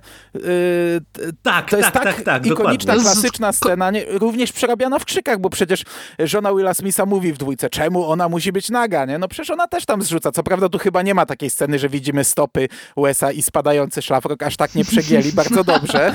No ale jest gdzieś tam dupa schowana za, nie wiem, za jakimś szamponem czy coś, nie? Który jest na pierwszym planie, tak żeby nie było widać na gości, e, więc to jest fantastyczne, że to jest normalna scena, a, a jednocześnie ma tyle, tak, drugie dno wyraźne i, i mocne, rewelacyjna rzecz. A ma, ma, trzecie dno tak naprawdę, bo przecież tutaj y, y, widać, jak oni wszyscy panują nad y, materiałem, bo przecież jeszcze mamy to, ten, tę rozmowę, która ją wyraźnie łączy z psychozą i to jest tak super patent dla mnie, bo ja wam powiem, że w tym momencie ja byłem święcie przekonany, że my zobaczymy śmierć Wesa pod tym prysznicem. Tak, że, że po tak, prostu tak, się tak. posuną, wiecie, od razu, jak już mamy dialog z psychozy, to że od razu dostaniemy właśnie taką sekwencję i naprawdę uważam, że pod kątem rozkładu napięcia jest po prostu doskonale ta scena mhm. zaprojektowana. Właśnie między innymi też dlatego, że ona tak y, pogrywa sobie z oczekiwaniami. To, że właśnie mamy y, przywołaną psychozę i kończy się to inaczej niż w psychozie, jak mamy całą rozmowę z Judy Hicks, y, długą prowadzoną i, i, ten jej pościg, który no, kończy się tak jak się kończy, czyli jej śmiercią na, na ganku domu i właśnie to wszystko, to całe przygotowanie, bo tam po prostu jak on, wiecie, przygotowuje te pałeczki, te, te talerzyki rozkłada, no doskonała jest po prostu ta scena, tam napięcie można kroić moim zdaniem e, nożem, co nie zmienia faktu, że no, wydaje mi się, że Wes musiał zginąć, bo wydaje mi się, że on mimo wszystko jest najbardziej taką bezbarwną postacią. Neutralną. Mhm. Tak, tak. No jest takim tym zahukanym właśnie, tak jak powiedzieliście, chłopakiem, e, który gdzieś tam no, żyje w cieniu tej, tej, tej matki. To, to, to w sumie jest też e, akurat e, ciekawy znaczy, motyw. Wiesz, on w dwójce mógłby się wyrobić, nie? Tak jak, tak jak wszyscy bohaterowie wcześniej. No ale nie, no chodzi o to, że e, we wcześniejszych krzykach ci bohaterowie, którzy powracali, którzy byli już po tych morderstwach, no mieli, byli już innymi postaciami, nie? Z innymi doświadczeniami. No on tak. też by mógł być tak jak takim, takim Randym nowym, nie wiem, no nie bardzo, ale, ale okej, okay, nie? E, no dobra, dobra, nie przerywam, bez sensu. Ale, ale nie, bo tutaj ja tylko chciałem powiedzieć jeszcze jedną rzecz w kontekście USA, e, ale w kontekście też całej w zasadzie naszej ekipy. E, dla mnie po seansie też było zastan zastanawiające, nie wiem czy na to zwróciliście uwagę, że my w zasadzie mało wiemy o rodzicach bo w zasadzie nie dowiadujemy się nic, e, kim są rodzice e, Sam i Tary. E, nie dowiadujemy się, kto jest ojcem Wesa, gdzie przecież to, to w sumie też jest ciekawe, no bo to troszeczkę no może nie tyle zretkonowali czwórkę, co, co nam dopisali wątek do czwórki, no bo przecież Judy Hicks w czwórce już musiała mieć mhm. syna, a, a, a wyraźnie tam tego nie było w tamtym filmie, czy tego nam nie pokazywali. I to też jest taki, taki element, który moim zdaniem może być ciekawie rozwijany, no bo y, wiecie, mamy cały ten wątek właśnie mm, rodziców e, sióstr Carpenter e, i ja jestem bardzo ciekaw, kim, kim oni w zasadzie byli, no bo no mamy właśnie. tylko tę, tę opowieść e, o tym, że mm, Billy jest ojcem, ale mamy też opisaną, ale tylko ustnie ja bym tak daleko nie rodzicami. Wiesz, bo już mi się kojarzy, może wrócić. kto jest ojcem Rey, nie? a kto dziadkiem e, Rey Palpatine. Nie? Ja bym tak daleko nie szedł. Ja się cieszę w sumie, że tutaj rodziców za dużo nie wciskali, bo na przykład ojciec Sydney w e, trzech pierwszych częściach no był za każdym razem dodatkiem. On był kimś, no kto tak, był tak. podejrzany, kogo chcia, chciano wrobić, kto po prostu był, więc tu mi rodzice nie byli ich potrzebni, za duże postaci, a ja bym jednak nie szedł w tym kierunku, że teraz się okaże, że e, ich wujkiem jest Randy, a ojcem jest w ogóle Jimmy O'Connell z drugiej części, a ciotką jest e, czarnoskóra e, współlokatorka Sydney z drugiej części. Nie, nie, nie, nie, nie, nie, co za dużo, to niezdrowo. Ja myślę, że oni też to mogli świadomie mimo wszystko zrobić, zważywszy na to, o czym mówiliśmy y, z, po, w poprzednim odcinku o roli matek, prawda? Czyli, że te matki mhm, w każdej dokładnie. kolejnej części a. się pojawiały i miały niebagatelny wpływ wpływ na fabułę, więc myślę, że to był świadomy krok, żeby o tej matce jednak nie mówić. Co prawda, jeśli, jeszcze ci przerwę, jeśli e, weźmiemy pod uwagę, że za chwilę powstanie część szósta i siódma i nowa trylogia jak e, Halloween, to ja jestem za tym, żeby już za bardzo nie wchodziła Sydney, nie wchodziła Gail, Mm -hmm. Ale to kogoś prawda. wygrzebać, ktoś, kto przeżył i został zapomniany, nie wiem, czy takie postacie były, to spoko. Ta, takie coś bym jeszcze kupił, no a ten ktoś musiałby zostać jakoś sensownie wprowadzony, nie? Więc w sumie mógłby być ojcem czy matką kogoś tutaj z obecnych. Ale w sumie więc... to też w sumie to też jest ciekawe, co mówisz, bo ja mam wrażenie, że w tym filmie tak się już poniekąd żegnają z postacią Sydney, że jednak Ja jestem ona... za tym, żeby to był koniec. Ewentualnie Tak, widziałbym, tak. wiecie co, ale nie chciałbym tego, ale widziałbym pomysł, że ona zginie w pierwszej scenie jakiegoś kolejnego filmu, bo to by było Jak faktycznie... Halloween No, Resurrection, tak? zaskakujące, nie? Coś zaskakującego. Ona albo Gale. To by mogło być okej. Ale- no. ale chyba nie Także to chciałbym też... Zresztą ona chyba sama coś ostatnio mówiła, że tego by nie chciała, nie? Był jakiś chyba wywiad ostatnio z nią, czy mi się myli? Ale to jak jest, tak, tak, znaczy ona raczej jest e, za tym, żeby wrócić, jeżeli scenariusz będzie dobry, więc no, No, no jak będzie dobry, to ja też Bo jestem, cały, niech wraca. cały, cały, czas się, cały czas się e, kręcimy wokół przyszłych sequeli potencjalnych, ale e, zanim jeszcze do kolejnych wątków, to tu jeden minus, który ja jednak widzę w tym filmie, mm, to jest ta, ta postać tego stalkera, który się okazuje być synem siostry Stu.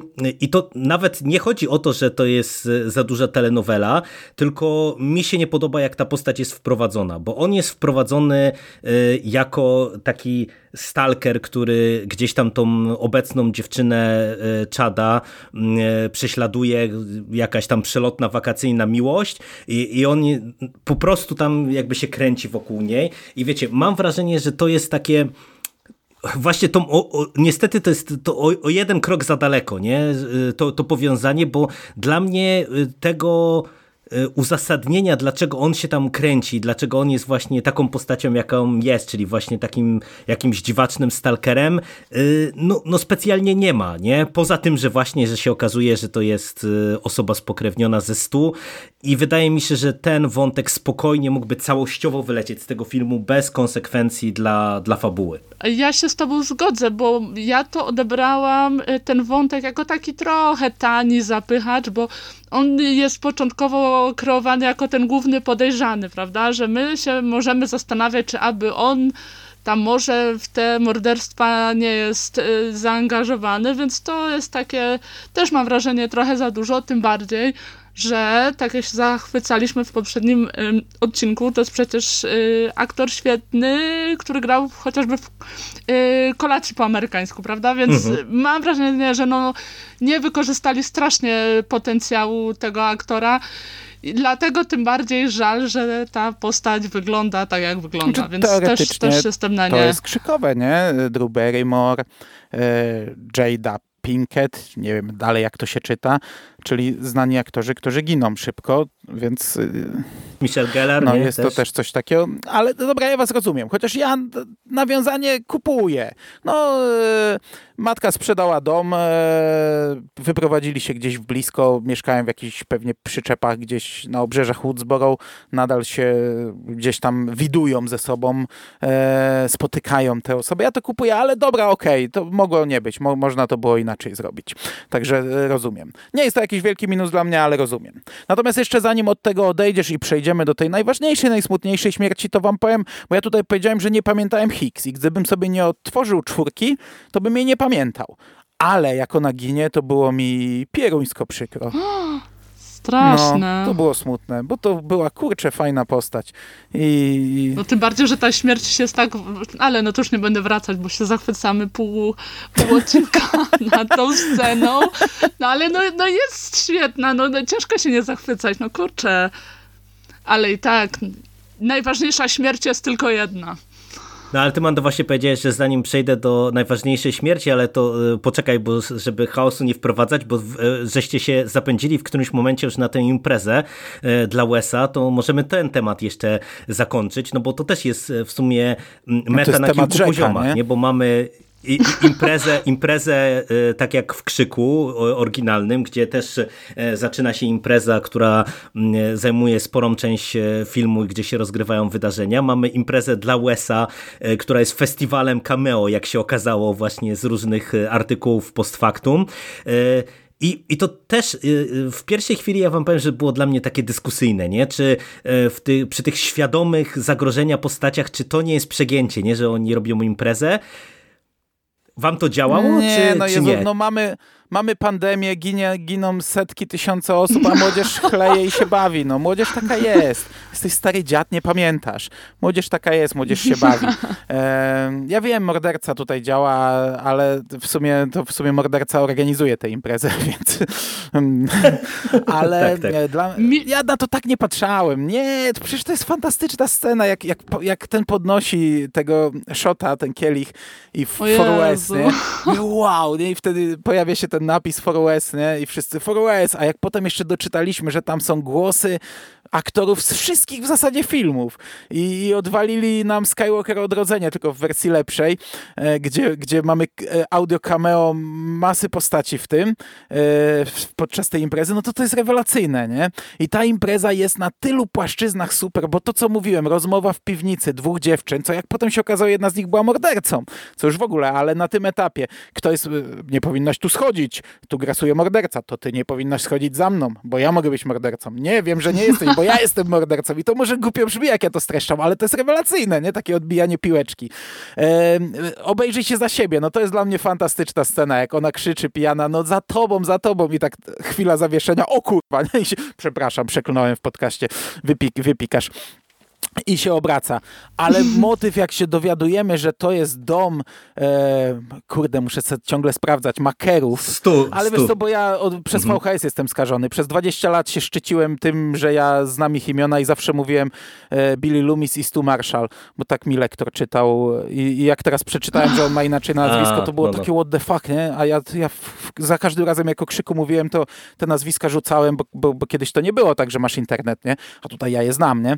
A tu okazało się, że dupa nie znałem. No jak się okazuje, że to jest Dom Stu, to też jest fantastycznie zrobione. Przecież my jesteśmy po, po całej imprezie, już pół imprezy minęło w tym domu, Sydney i Gail patrzą na GPS i reagują, o kurde, nie, o kurde. I sobie myślisz, o co chodzi, nie? No przecież na imprezie są po prostu.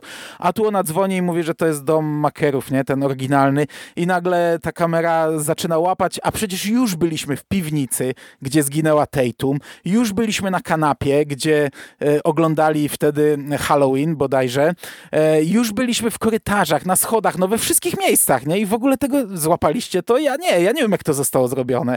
A nagle ta kamera tak fajnie odpływa i widzimy te schody, widzimy te, tak. te klasyczne motywy i nagle ona wy, wypływa przed dom i widzimy cały ten dom z odpowiednią muzyką i nagle widzisz to inaczej. Ja, ja nie wiem, jak to zostało zrobione, że to, to było bardzo dziwne i odważne zagranie, że nikt, nikt tego nie poznał w trakcie, ja nie, nie, nie potrafię pojąć, jak działa nasz umysł, bo takie zagrania bywały już w filmach, że wiesz, pokazali ci coś. E, był ten film Dario Argento, gdzie morderca odbijał się w lustrze na początku i jeśli ktoś by to zauważył w tym momencie, to cały film trochę do dupy, nie? Ale nikt tego nie zauważył. E, by, by, jeszcze gdzieś mam jeden, jeden taki przykład w głowie, ale już teraz nie pamiętam. E, no tutaj trochę, na innym poziomie, bo to jest tylko końcówka, nie? Więc jakby ktoś to wcześniej zauważył, no to okej, okay, nie? Ale to jest fantastyczne, że nikt o tym nie pomyślał, że to jest ten dom. No. To tak tyle. Y, no to ja tylko tak dodam, cofając się trochę, że no mi to For West y, zagrało totalnie. Od razu oczy się zaszkliły no, i no. wszelkie jakieś niuanse, jakieś niedociągnięcia zeszły na drugi plan i kupiłam tylko tą, tą warstwę nostalgiczną, no bo była po prostu przepiękna. A potem tak jak właśnie mówicie, że jeżeli, jak jeszcze doczytaliśmy, że y, tam są głosy postaci z poprzednich części, to dla mnie jest scena naprawdę doskonała. Mm. A później to już, no popieram, y, po, podpisuję się po prostu pod twoimi słowami. No. Tak chciałem tylko dodać. A jak już jesteśmy przy cameo, to jeszcze zanim przejdziesz, trzeba zaznaczyć, że Stu też ma tutaj swoje cameo, nie? Jako głos Ghostface'a z trailera Stabu 8, co też jest fantastyczną rzeczą. Ja myślę, że to jeszcze do tego na chwilę wrócimy, do tego stabu 8, jak e, weźmiemy metę na koniec, ale przejdźmy teraz może do naszej starej gwardii, no bo a. tutaj skupiliśmy się mimo wszystko na właśnie tym nowym pokoleniu, e, które no jak e, słychać nam się w sumie podobało, mm, no a mamy sprowadzenie właśnie całej naszej głównej trójki i no tutaj każde, każda z tych postaci funkcjonuje w innej rzeczywistości. Widzimy Dewey'a, który no, jest w zasadzie postacią przegraną. Rozpadło się jego małżeństwo z Gale. On najprawdopodobniej sobie z tym nie poradził i jak sam mówi, został poproszony, żeby zdał odznakę i teraz żyje w zasadzie tylko od poranka do poranka, żeby obejrzeć telewizję śniadaniową z Gale.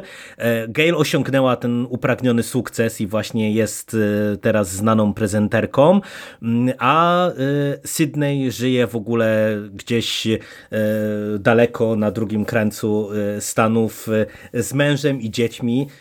Notabene to też pytanie, czy to jest kanon, ale twórcy też się pobawili jeszcze tak, dodatkowo jest. w jednym z wywiadów, suger sugerując, że mężem Sydney jest Mark, czyli nasz policjant z trzeciego krzyku. Mm, no i tutaj, tak jak powiedzieliście na początku, mamy bardzo dużo emocji e, w tych wątkach. E, Marta, ty wspomniałaś, że ci się e, od, od początku to podobało. Jak właśnie te wszystkie te postaci, nie? No bo tutaj w zasadzie spędzamy najwięcej czasu z Deweyem, co jest uzasadnione ze względu na no jesteśmy w strefie spoilerowej, więc nie bójmy się użyć tego słowa bolesną dla wszystkich śmierć. Mm, ale jak ci się podobało w ogóle to wprowadzenie tych postaci? No bo zawsze w takim powrocie po latach, no to to może być dyskusyjne to jest super wprowadzone, bo to jest wszystko... Tak, miałam wrażenie, że tak niewymuszone, że to jest wszystko naturalne. Y, Dewey jest po prostu wrośnięty w Woodsboro, jego nic stamtąd y, nie ruszy. I to jest też y, fajnie tam widać ten upływ czasu. Trochę się śmiejemy, że latka lecą, prawda? Ale to też jest taki potężny ładunek nostalgii, bo sobie przypominamy to, co te postaci przeszły na w każdej kolejnej części, więc jak już dochodzimy do tej ostatniej, kiedy oni są już powiedzmy ludźmi w jakiś tam sposób y, ustatkowanymi, no Dewey może mniej, ale y, całość jest tak tak fantastycznie napisana, że dla mnie to był chyba najlepszy y, aspekt y, tej części, najbardziej wzruszający, dlatego potem jak już dochodzimy do tej śmierci, to ja byłam w rozsypce. Mm. Naprawdę. Podobało mi się, że nie robią sztucznych dramatów, że nie tak. ma kolejnego powrotu Gail Weathers do, do tej Gail Weathers, jaką znaliśmy wcześniej. Oni już wcześniej zresztą, nawet tak jak się rozstali przed trójką, to jak się spotkali, to już to ich spotkanie e, było takie, no widać, że tam cały czas chemia jest. Nie? W dwójce to samo, chociaż w dwójce jeszcze to była ta Gail Weathers, ta, ta, ta która e, byleby nag, no, nagrać materiał. Nie? Tutaj podoba mi się, że jest inaczej. Ona przyjeżdża, no bo oczywiście stacja ją wysyła przyjeżdża, bo dostała SMS-a. Jeszcze go pierwsze co opieprza. SMS-em mnie powiadamiasz? Nie? No, fajne. i, I to mi się podobało. Po pierwsze, że nie ma dramatów. Ja przed samym krzykiem, jeśli miałem jakąś obawę, to gdzieś z tyłu głowy się obawiałem, żeby ktoś ze Starej Gwardii nie był mordercą. E, no, nie prawda. kupowałem tego absolutnie, ale obawiałem się, że pójdą na takiego szokera. I jak wam googlowałem grafiki do waszego podcastu, się trochę kurczę naszukałem, bo w sumie nie, jakoś e, o dziwo nie jest łatwo tego znaleźć, a to już było po zejściu embargo na recenzję i, i dużo mi wpadało grafik, że teorie były, że, że Dewey będzie właśnie mordercą. I ja to w miarę kupowałem, bo po trailerach było widać, że on jest e, że coś jest z nim, że jest w jakiejś tam lekkiej rozsypce, nie? Że tak jak innym może się życie ułożyło, tak jemu niekoniecznie. I, i, I, widziałem to, że można to tak zrobić, że on będzie chciał taki, wiecie, reunion zrobić, nie? Spotkanie po latach, więc zostanie mordercą, żeby ich ściągnąć. Absolutnie e, absurdalne, ale e, rozumiałem, że może do czegoś takiego dojść. Się strasznie tego obawiałem, żeby tak nie było. I bardzo mi się podobało, że w zasadzie od początku, jak oni się tylko pojawiają, no to już byłem pewien, że, że tak nie będzie. Że absolutnie tak nie będzie, ale przed seansem sobie pomyślałem, w sumie fajnie by było, jakby ktoś zginął. Że to już jest ten moment, że może kogoś uśmiercić. Przy czym, no, żeby było to spotkanie, żeby nie zrobili nam Gwiezdnych Wojen, nie? gdzie niestety trójka się nie spotkała, że znów nawiązuje. Natomiast jak e, e, dochodzi do tej sceny, w której Dewey ma zginąć, sorry, że ja tak długo gadam, ale to krzyk, e, to, to to jest tak zrobione, że od razu to wiemy, nie? No nie wiem, no to, to nie jest żadne tak. zaskoczenie. Moment, jak on decyduje się wsiąść do samochodu z e, Samantą i jeszcze tak patrzy na Gail, ona coś tam ładuje sprzęt, czy coś przy kamerze robi, jeszcze się zastanawia, czy, czy, czy coś jej powiedzieć, ale nie, to jest tylko to ostatnie spojrzenie, gdzie ona nie widzi jego odjazdu, no to już mówię, dobra, podiuim, nie, koniec. Nie ma go, nie ma chłopa. Tego już nie przeżyje. To jest bardziej zaskakujące to, jak on ginie, prawda? No. Nie, nie tyle, że ginie, tylko jak ginie, no bo to jest jednak wydaje mi się, jedna z najbrutalniejszych scen y, w całym krzyku, nie tylko w y, tej części. No i zresztą to jak jest Ghost, mm, Ghostface pokazywany, to o czym mówiłam na początku, że są takie ujęcia, kiedy on jest A, autentycznie jest to zdjęcie, upiorny, przerażający. Po necie, jak on jest taki tak. obracający się na bok na tym szpitalnym korytarzu. To jest pierwszej chwili byłem zły, jak Dewey mówi, już, już wszyscy wchodzą do windy, a on mówi, nie, nie, nie, trzeba mu strzelić w głowę, mordercy zawsze trzeba strzelić w głowę. No, ale z drugiej strony, jak, jak przed filmem myślałem, że jak zrobią kogoś z nich mordercą, jakie to głupie będzie. Mówię, przecież oni znają zasady od podszewki, oni przeżyli trzy sequele, nie? Wiedzą, że zawsze morderca ginie w trzecim akcie, a tu on właśnie pokazuje, tak, znam zasady, trzeba mu strzelić w łeb, zakończmy to, nie? To, to jest, wiesz, krzykowo, to jest takie, takie głupiutkie, jak, jak to w ramach tego, że nie ściągnęli mu maski, no kurczę, mogli ściągnąć, nie? No teoretycznie tak. już leży zastrzelony, nie? Że od razu nie strzelił, że nie wiem, no, no idą, a potem on sam zamyka windę i sam idzie, ale to jest fantastyczna scena, jak jak on idzie, wyrzuca ten magazynek, ładuje go, nie? Jak tutaj szeryf idzie. Znaczy ja, ja, ja, ja przerwi, wam powiem, że przerwi. to w ogóle... Nie, nie, nie, no. bo ja tylko bym się chciał zatrzymać, bo jeszcze się w, zaraz wrócę na sekundkę tam e, do tego ich wcześniejszego spotkania, ale jak jesteśmy przy tej scenie w szpitalu, mm, to e, o tyle e, dla mnie to jest też jakby ciekawa i ważna scena, że ona jest chyba taka najbardziej horrorowa, no bo ona jest troszeczkę Totalnie. głupiutka, nie? Że wiecie, że mamy szpital, w którym powinno być y, pełno ludzi, a tam nikogo nie ma i mamy długą sekwencję ganiania po prostu po szpitalu y, i niby tam to starają się podbudowywać, bo tam widzimy tych martwych ochroniarzy, ale, ale to i tak jest y, takie głupiutkie. Ale to jest tak dobrze nakręcone. Ta scena po prostu to jest też taka sekwencja, gdzie tam można napięcie nożem kroić, bo mamy i fantastyczną całą sekwencję e, starą e, i, i z tym wózkiem i to jak mm. jest wykorzystane to, że ona ma tam rękę rozwaloną. Ona... Tak, tak. Ale też telefon, nie? Wybierz kogo mam zabić, to też jest super. Tak, no. tak, tak. E, później mamy całą tę, tę sytuację e, z windą i wiecie, najpierw to takie e, pojawienie się po prostu jak Aragorna w, w tym w finale Władcy Pierścieni, żeby później to jeszcze obrócić o 180 stopni. Przecież ta scena też, właśnie to co mówisz, jak te Dewey ładuje ten magazynek, to jest filmowo, to jest moim zdaniem majstersztyk i ta, ta scena jego śmierci, ona jest niesamowita, naprawdę. Jak on, jak on jest tak przybity w, tymi nożami tak podniesiony, to co prawda to też jest głupie, bo na koniec się dowiadujemy, że to Amber, Amber go no. zabiła. Tak. więc, więc Trzy po prostu razy mniejsza od niego. Tak, tak, tak, tak, tak, to nie miało prawa e, zadziałać, ale e, sama ta scena wiesz. jest moim zdaniem rewelacyjna, rewelacyjna po prostu. Mhm. No I... dlatego też się tak nawet nie zwraca uwagi na to, że oni mu tej maski nie ściągnęli, bo cała ta reszta to wszystko tak y, obudowuje, że na te takie głupotki to się przymyka oko.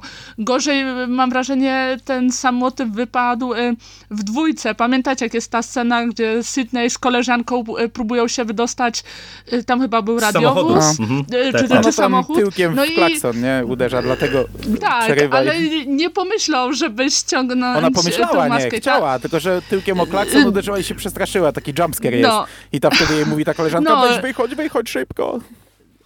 Ale generalnie skończyło się to tak, że tej maski nie ściągnęły no. i tam to wypadło już trochę bardziej idiotycznie, a w tej części to jest wszystko tak obudowane tymi ekstra jakimiś dodatkami, o, którym, o których tu mówimy, że się tego mimo wszystko aż tak mm. nie zauważa. No jeszcze wiesz, jak ona go rozpruwa tymi nożami i on już upada, a ona mu mówi tym głosem Ghostface'a, nie, to był dla mnie zaszczyt, nie? Tak, tak. tak, tak. A potem jeszcze, wiem, że przejdziemy jeszcze do morderców, potem jak na koniec przez chwilę udaje szaloną, że o, jak tylko chciałam się wpasować do grupy, a, a, a Gail na to, zabiłaś mojego przyjaciela, nie? To też jest takie, też e, jeszcze powraca ta śmierć wtedy e, Dewey'ego. No ale, ale ta scena rozdarcia, to ta scena przeładowania magazynku, to jest fantastyczna. Straszne. Dewey dostał super śmierć. To w, to w sumie jest ciekawe, co mówisz i też ważne, bo najgorsze jest to, jak e, ważny bohater zostaje zabity, w, znaczy wiem jak to brzmi, ale jeżeli jest zabity w beznadziejny sposób, ta scena jest źle napisana, to ta śmierć boli dwa razy mocniej, mam wrażenie, a jak jest godna śmierć, że tak powiem, jeżeli chodzi o prawidła gatunku, to, to jest też taka, wiecie, że się będzie to wspominać. Tak, a tym bardziej, że naprawdę tutaj ja uważam, że Dewey jest fantastycznie napisany, bo y, strasznie y, mi się podoba to, że tutaj mamy to oparcie mm, y, w zasadzie całej tej historii Dewey'ego tu i teraz na tej jego przeszłej relacji z Gale, gdzie to jest takie mm, nostalgiczne, lekko smutne, ale takie życiowe i, i to jest strasznie umiejętnie napisane i ta scena ich tej pierwszej rozmowy E, no, dla mnie to jest też taka mała perełka e, w tym filmie, bo, bo paradoksalnie mm, to właśnie tutaj najwięcej jest tych emocji. Mam wrażenie, że e, to, to tak mówię, trochę paradoksalnie, bo ona zawsze była raczej na pierwszym planie, to Sydney Prescott tutaj trochę wypada gorzej na tle właśnie tej pozostałej dwójki, czy tej ich relacji. Nie wiem, czy się ze mną zgodzicie. W sensie najmniej tak ma do roboty, nie? że jest takim najbardziej tym artefaktem z przeszłości, y, a, a nie taką siłą sprawczą, siłą napędową, którą była zawsze. No coś w tym jest, dlatego właśnie ja miałam takie wrażenie, że oni się troszkę już jakby z tą y, postacią chcieli pożegnać.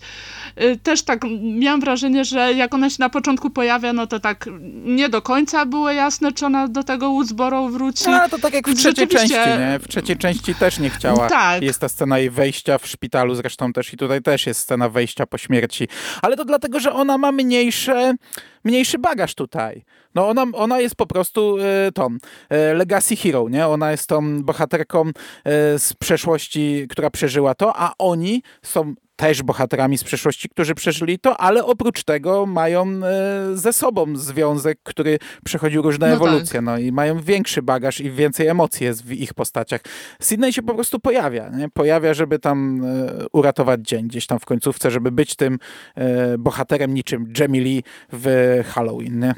No to dobra, to myślę, że możemy przejść do morderców i całej warstwy meta, y, która jest y, y, jakby pod, podbudową dla głównego wątku i motywacji bohaterów. Mamy powrót znów dwojga morderców. No i mm, Tuż znowu was zapytam, ale od razu dwa pytania, bo nie dopuścicie mnie później do głosu, więc wam utrudnię. E, dwa pytania na początek. E, po pierwsze, jak wam się właśnie podoba ta, ta e, dwójka morderców? No bo ona jest troszeczkę inaczej, znowu mam wrażenie, zbudowana, bo jednym z morderców jest chłopak e, e, Samanty, e, Jack Quaid w tej roli, czyli Richie, gość, który na początku jest kreowany jako postać, która właśnie nie zna się na krzyku i nigdy nie widziała noża całej serii i, nadrabia, co jest też taką uroczym running joke'iem przez cały film. I mamy Amber Freeman, czyli drugą postać i oni gdzieś tam się spiknęli. No i w zasadzie, kiedy poznajemy całą ich motywację, no to dochodzi nam e, cały wątek e, fanów, fandomu, właśnie tego, tej takiej budowania powrotu po latach na zasadzie tego legacy sequela. Jak wam się to podobało? Requel. Marta, Requel, jak to legacy sequel. Requel, tak, tak. Ja wam powiem szczerze, że takie mam troszkę mieszane uczucia. Mi się zresztą trzeci akt najmniej podobał. Y, jeżeli chodzi o Richiego, to postać rzeczywiście jest fajnie napisana, bo jest taki trochę no ciapowaty to może za dużo powiedziane, ale rzeczywiście no, tak, może to lepsze słowo. I generalnie, no tak, y, gdzieś tam jest obok tych bohaterów, tak jak mówisz, nie za bardzo wie, co się w tym Woodsboro dzieje, nie zna serii. Yy, nóż Więc generalnie on jest jakimś tam e, Ale fajnie, bo przez cały nowym film sposobem. Jest, e, mhm. e, jest punktowane to wyraźnie, nie? Gdzie byłeś w trakcie morderstwa? Tak, tak, tak. Oglądałem tak. Netflixa, oj tak. panie Netflix. A gdzie byłeś? A akurat wyszedłem, nie? O, akurat wyszedłeś. A pierwsza zasada, czy tam tak. ostatnia, to zawsze jest chłopak, nie? Czy coś takiego. I on już od samego początku jest znów niby podejrzanym, nie? Wyraźnie cały czas, tak jak przy stół w jedynce nam się mówi przez cały film, to on jest mordercą, a my mówimy, nie, no przecież skoro nam mówią przez cały film, to nie on. I znów się na to nabieramy, nie? Ja się nabrałem. Tak, więc generalnie Richie mi się dość podobał, ale mam jednak wątpliwości e, co do Amber, tylko nie wiem na ile to jest wina samego scenariusza, na ile aktorki, ale trochę tak miałam wrażenie, jakby ona odwzorowała tych poprzednich e, y, morderców, no czyli ten... no niby tak, ale z Larpa. drugiej tak, ale z drugiej strony, no też tak trochę to było dla mnie takim powtórzeniem pewnych schematów, więc nie była aż tak dla mnie ciekawa, jak był e, Richie. Dlatego ją jako pierwszą pewnie zdradzili, że to ona. Mm, e, ja nie wiem, wiesz co, mi się podobali ci mordercy. No cieszę się, że to są nowe postaci. Od początku to mówiłem, że w Krzyku zawsze mordercą był ktoś z, z nowych postaci i to nigdy nie był problem. Znaczy to mogła być postać z przeszłości, ale w samym Krzyku była to nowa postać, a nie klasyczna. I e, Richie kurde, przez cały film się zastanawiałem, skąd ja tego typa znam, nie? I nie mogłem. Jakby, jakbym do mnie... O, panie, mord... The Boys, no, The jakby Boys. do mnie morderca zadzwonił, to bym, to bym e, poległ na tym pytaniu, nie? I dopiero po, po, po wyjściu sobie przegooglowałem, nie? Cały film myślałem. Ehm, Richie, to jest, to jest fajne, zaskakujące. Ja, wiesz, nie spodziewałem się tutaj w ogóle, kto jest mordercą, ale umówmy się, Krzyk y, zrobił tak, że nie da się spodziewać. Właśnie wprowadza, przez to, że wprowadził dwóch morderców, to nawet jeśli próbujesz sobie gdzieś tam analizować, kto był w danej scenie z mordercą, to, to krzyk to zrównał, nie? Że, że nie da się tego już zrobić, więc nawet o tym nie myślałem. E, Amber, znaczy podobało mi się to, jak ona jest szalona po tym, jak się e, ujawnia. To jest często taki motyw, że jak morderca ściąga maskę, to nagle jest dzikus i szaleniec, nie? Mm, ale tutaj to jej szaleństwo mi się podobało. I, to, jak ona tam właśnie w momentach, gdy zaczyna przegrywać tę walkę, zaczyna mówić, bo, bo tutaj cały finał rozgrywa się w tej samej kuchni, w której e, w jedynce się rozgrywał, nie? E, to, jak ona zaczyna mówić, że tutaj o, nie, ja tylko jestem ofiarą, nie? Okej, okay, rozumiem, że to się może nie podobać, ale ona tak fajnie tutaj grała dla mnie, że dla mnie to było ok. A Richie no zaskoczyło mnie to do końca i on też zaczyna być wariatem na koniec, nie? Jak to, jak to, jak to zawsze po zdjęciu maski, ale ja jestem zadowolony z tych morderców. Cieszę się, że to oni. E, to były dwie postacie, z którymi w sumie najmniej się wiązałem przez cały film, więc to może źle, bo może był, było większym zaskoczeniem, gdyby się okazał ktoś, kogo bardziej lubiłem. E, Richie to był taka ciepła klucha popierdółka, a Amber, w sumie ja tutaj nazwałem Tom, nazwałem Mindy, że to jest taki nowy Randy, ale Amber to też jest to całe to pokolenie nowe to taki nowy Randy, bo Amber przecież dała cały ten wykład o, e, o właśnie requelu, e, legacy sequelu i tak dalej, nie? Mm, więc to też była znawczyni. Nie, no to Mindy, Mindy to opowiadała. To, Mindy, Mindy. A tak? Mindy. A dobra, no to przepraszam. Tak, tak. To przepraszam. To, to, to ja to generalnie z tymi mordercami e, miałam tak, że niby się nie, nie spodziewałam, że to będą oni, ale jak się okazało, że to byli jednak oni, no to się niespecjalnie zdziwiłam. Więc może to też coś e, jest w tym, o, czym mówisz, że ich, e, z nimi się najmniej można zżyć przez cały film, więc może gdzieś tam zawsze z tyłu głowy e, jakaś się myśl pojawiła, że to mogą być oni. Generalnie ja się niespecjalnie zdziwiłam. Ale to nie jest problem, mi się wydaje. To nie jest problem.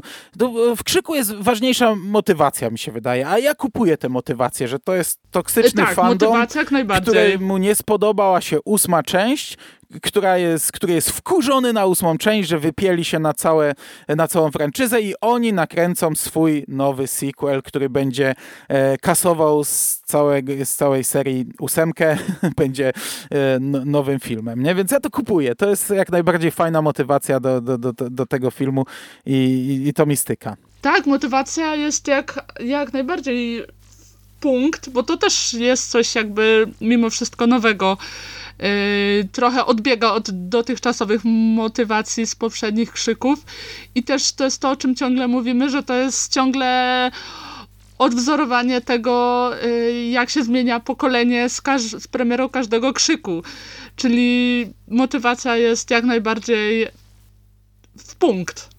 Jeżeli chodzi o morderców, e, dla mnie to było spoko, poza tym, e, co wcześniej zasygnalizowałem, że trochę e, Amber mi nie pasuje, bo ona jest taka filigranowa, a ona w zasadzie w którymś momencie mówi, że w, zas że w zasadzie to ona stoi za morderstwami wszystkimi. Ale to Chyba tak często Rich jest ma na koncie tylko jedno. Że, że jak no tak, morderca ja wiem, w stroju ja jest, to jest zupełnie inny aktor, nie? Jakiś wielki koleś, a potem nagle się okazuje, że to dziewczynka malutka albo drobny koleżka. No, to, Dokładnie tak, ale, ale ogólnie to jest fajne, natomiast e, ja wam powiem że też, że jestem absolutnie e, kupiony i e, zachwycony właśnie tą motywacją, bo tutaj nie dość, że to jest super w kontekście, wiecie, tych wszystkich release the Snyder Cut i, i wszystkich tych rzeczy, które nam fandomy fundują po prostu co i róż. No, nie tego, dość, że scenarzysta Batmana z ochroniarzami 8... na konwencie i tak dalej, nie? To naprawdę jest już tak, groźne tak, tak, zjawisko. Tak, tak.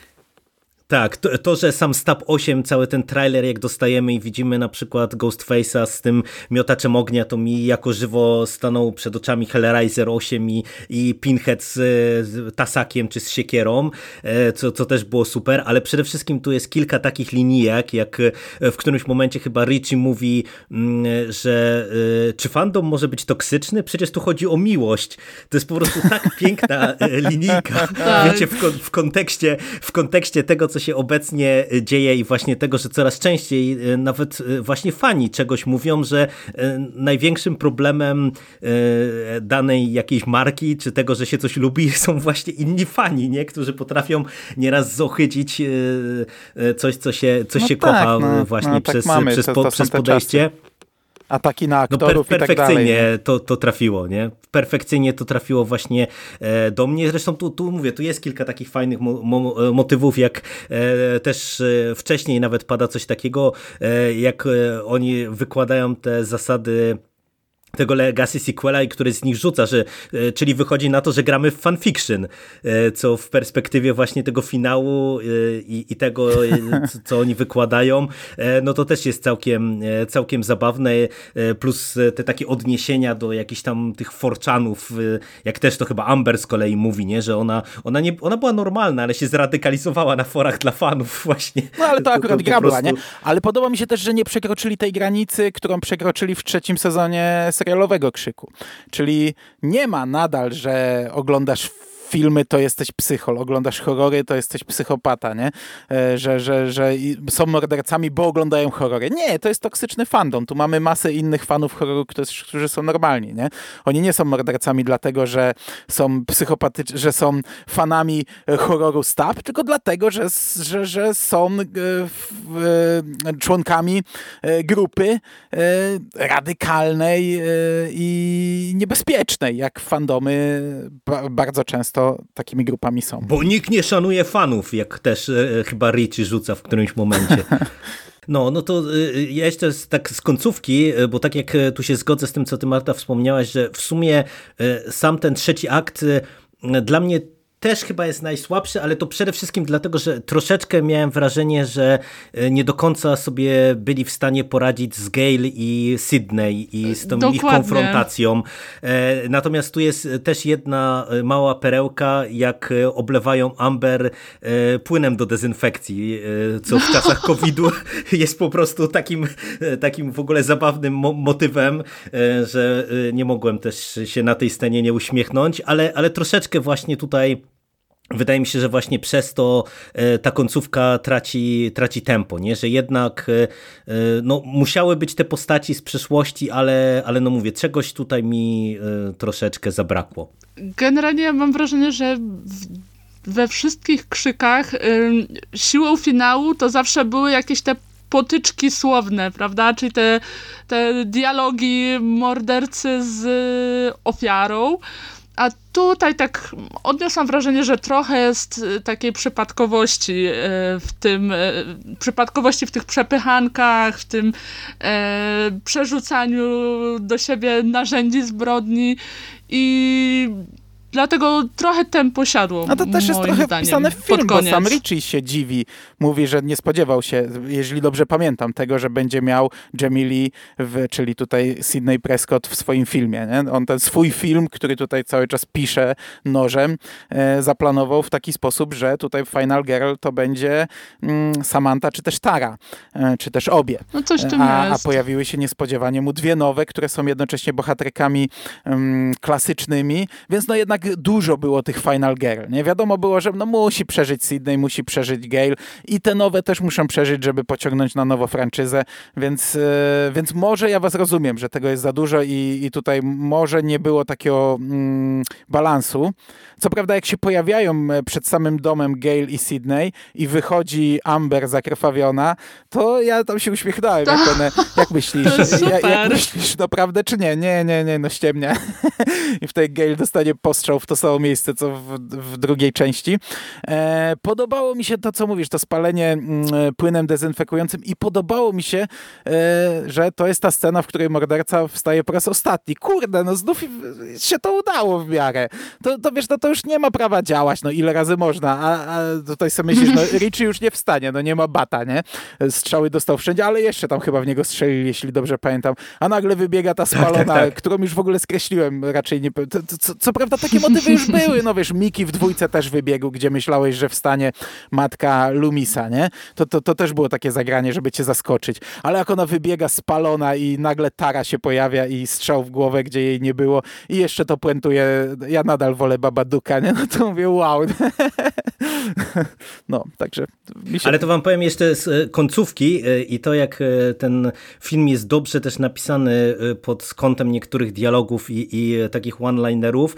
Strasznie mi się podoba, mm, że całość puentuje Gail takim stwierdzeniem, że oni wszyscy zdechli anonimowo, że teraz A, właśnie tak. nie, nie, że będziemy no, robić no, film na ich podstawie. To jest super. Bo, bo, bo zaskoczyło mnie to w tym kontekście, że to jest też w sumie coś, co y, mam wrażenie bardzo dobrze rezonuje z obecnymi czasami, gdzie wiecie, mamy to wszystko true crime, tę popularność całego true crime, które wydaje mi się, że ma ogólnie dosyć poważny problem z, z mitologizowaniem e, czarnych charakterów. No bo wiecie, niby to jest e, true crime, które się skupia na e, jakichś prawdziwych zbrodniach i ma pokazywać, jakie, jak, jakie ludzie potrafią złe rzeczy robić, ale mam wrażenie, że jak się trochę tego ogląda, czy słucha tych różnych podcastów, to wielu z nich się nie udaje osiągnąć tego balansu i tak w zasadzie to te czarne charaktery to są takie trochę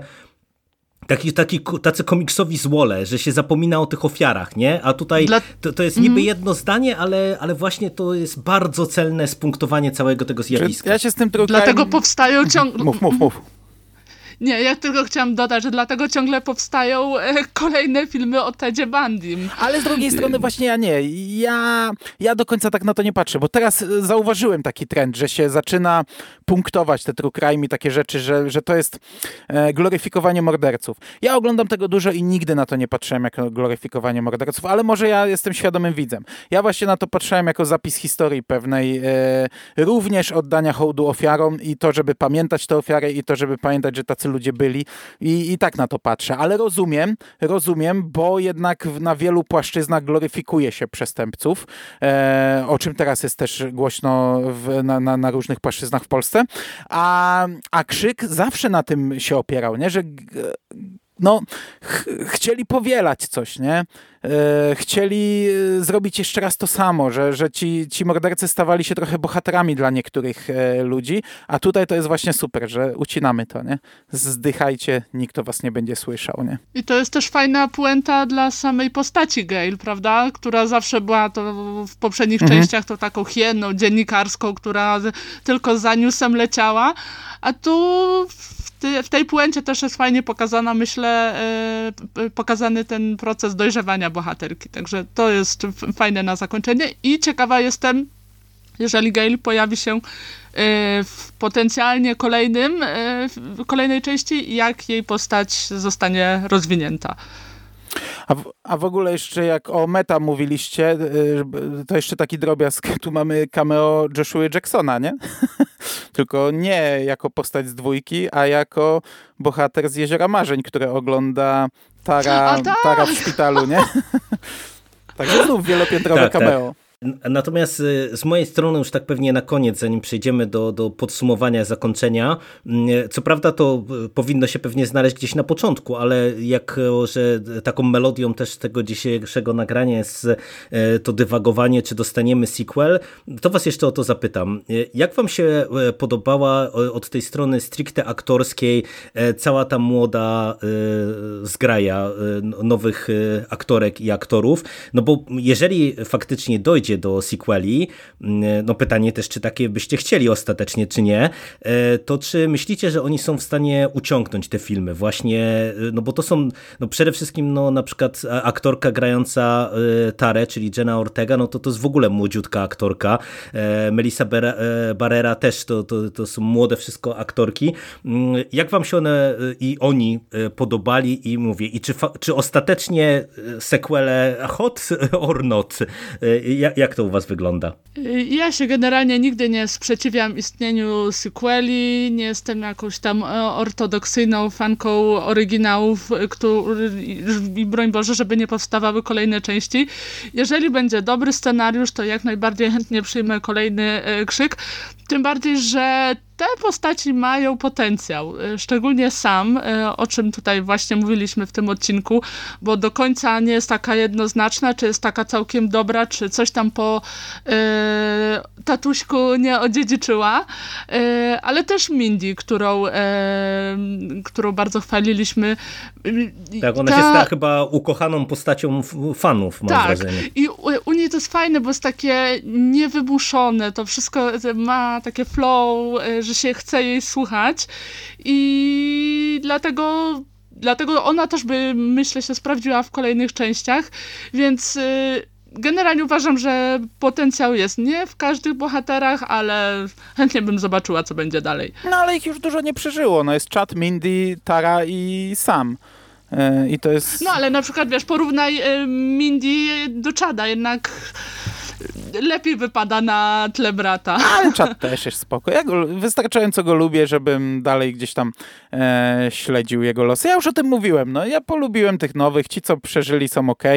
Mm, e, nie mam pomysłu na chwilę obecną na sequel, ale na szczęście to nie ja go piszę, tylko piszą go ludzie, którzy się na tym znają i ja jestem chyba za. Nie wiem, jak to zbalansować, bo to kolejne postaci by musiały dojść. E, kto tutaj by był to teraz tą, e, tą e, Legacy Hero, bo mamy już Tare i Sarę, które już przeżyły swoją część i mamy też tych e, z jeszcze wcześniejszej serii, także będzie się robić tego coraz więcej i kogo wykorzystamy. Jestem chyba za tym. Ja, ja mówię, ja mam trochę napompowane oczekiwania. Cały czas patrzę na krzyk jako coś więcej niż tylko horror i, i, i się trochę tego cały czas obawiam, bo mówię, do trzeciego sezonu krzyku uważam, że nie dostaliśmy złego krzyku, bo nawet serial był dobry, e, te dwa pierwsze sezony. Mm, I, no, no i dla mnie krzyk jest tą taką serią, która jeszcze nie spadła, wiecie, jesteśmy na etapie piątej części. Tak. Jak spojrzymy na, nie wiem, piątek 13, e, a Halloween w sumie, nie, dobra. E, no ale każde serie gdzieś w pewnym momencie zaliczają. E, Cios też zaliczył na etapie ósmej części, no i to jest zawsze trochę strach, nie? E, ja wiem, że to nie wpłynie na wcześniejsze, ale wpłynie na ogół i jednak to taka seria, wiesz, masz pełną serię, która jest cała fantastyczna, ale z drugiej strony, no takie Halloween pokazuje, że przychodzą nowi ludzie i potrafią to zrobić dobrze. I i ja tu widzę, można to ciągnąć i chyba chcę. Niech robią nowy krzyk. Kurczę, następny krzyk w kinie, no rewelacja, także jestem chyba za tym. Niech to robią. No to dobra, to chyba y, jak patrzę y, w głowie, przerzucam y, strony z notatkami, to wydaje mi się, że chyba powiedzieliśmy wszystko, co najistotniejsze. A zostaliście na napisach w kinie? No bo wiadomo było, że nie będzie sceny, ale u mnie wszyscy wychodzili, a ja, wiesz, jakby jest ta ostatnia... A ja zostałam, No kurde, pewnie. jak jest ta ostatnia scena, wiesz, klasyczna, gdzie mamy reporterkę, która mówi mówi, 25 lat temu w tym domu wydarzyła się masakra, tak. teraz ten tak, i tak. oddalająca się kamera, no też klasyczny motyw skrzyku i lecą najpierw te zwykłe napisy, no wiadomo, że nie będzie sceny po napisach, ale będą te napisy ale są ze postaci, no, no i to trzeba obejrzeć, mhm. nie? U mnie wszyscy wyszli, ja sam jak taka, ale stałem po prostu z bananem na twarzy i ta bidna pani w kinie, nie? No. Czekałem aż podejdzie i mi powie, panie, to nie Marvel, nie? A ja tu, ja tu... No. Ale by zaskoczyli wszystkich, jakby dali jednak tą scenę po napisach. Ja wolałam zostać, bo A to czekać do samego pewnego. końca, nie? Ja wyszedłem, ale sobie No zaraz pewnie, zobaczyłem, jasne. after credits nie było. Ale już i tak nie byłoby powrotu w razie jakby była. Do samego końca nie zostałem. E, No dobra, no to tak jak e, e, słyszeliście wszyscy, wszystkie, które z nami zostaliście do samego końca, jesteśmy zachwyceni nawet pomimo jakichś tam uwag tym filmem. Podzielcie się swoimi wrażeniami. E, No i mam nadzieję, że jeżeli e, krzyk kiedyś powróci, no to spotkamy się może w tym samym gronie, aby e, znów go powychwalać. Za to trzymajmy kciuki. A za dzisiejszą dyskusję dziękuję Wam bardzo serdecznie Dzięki. Dzięki. i do usłyszenia w przyszłości. Cześć! Hej. Cześć.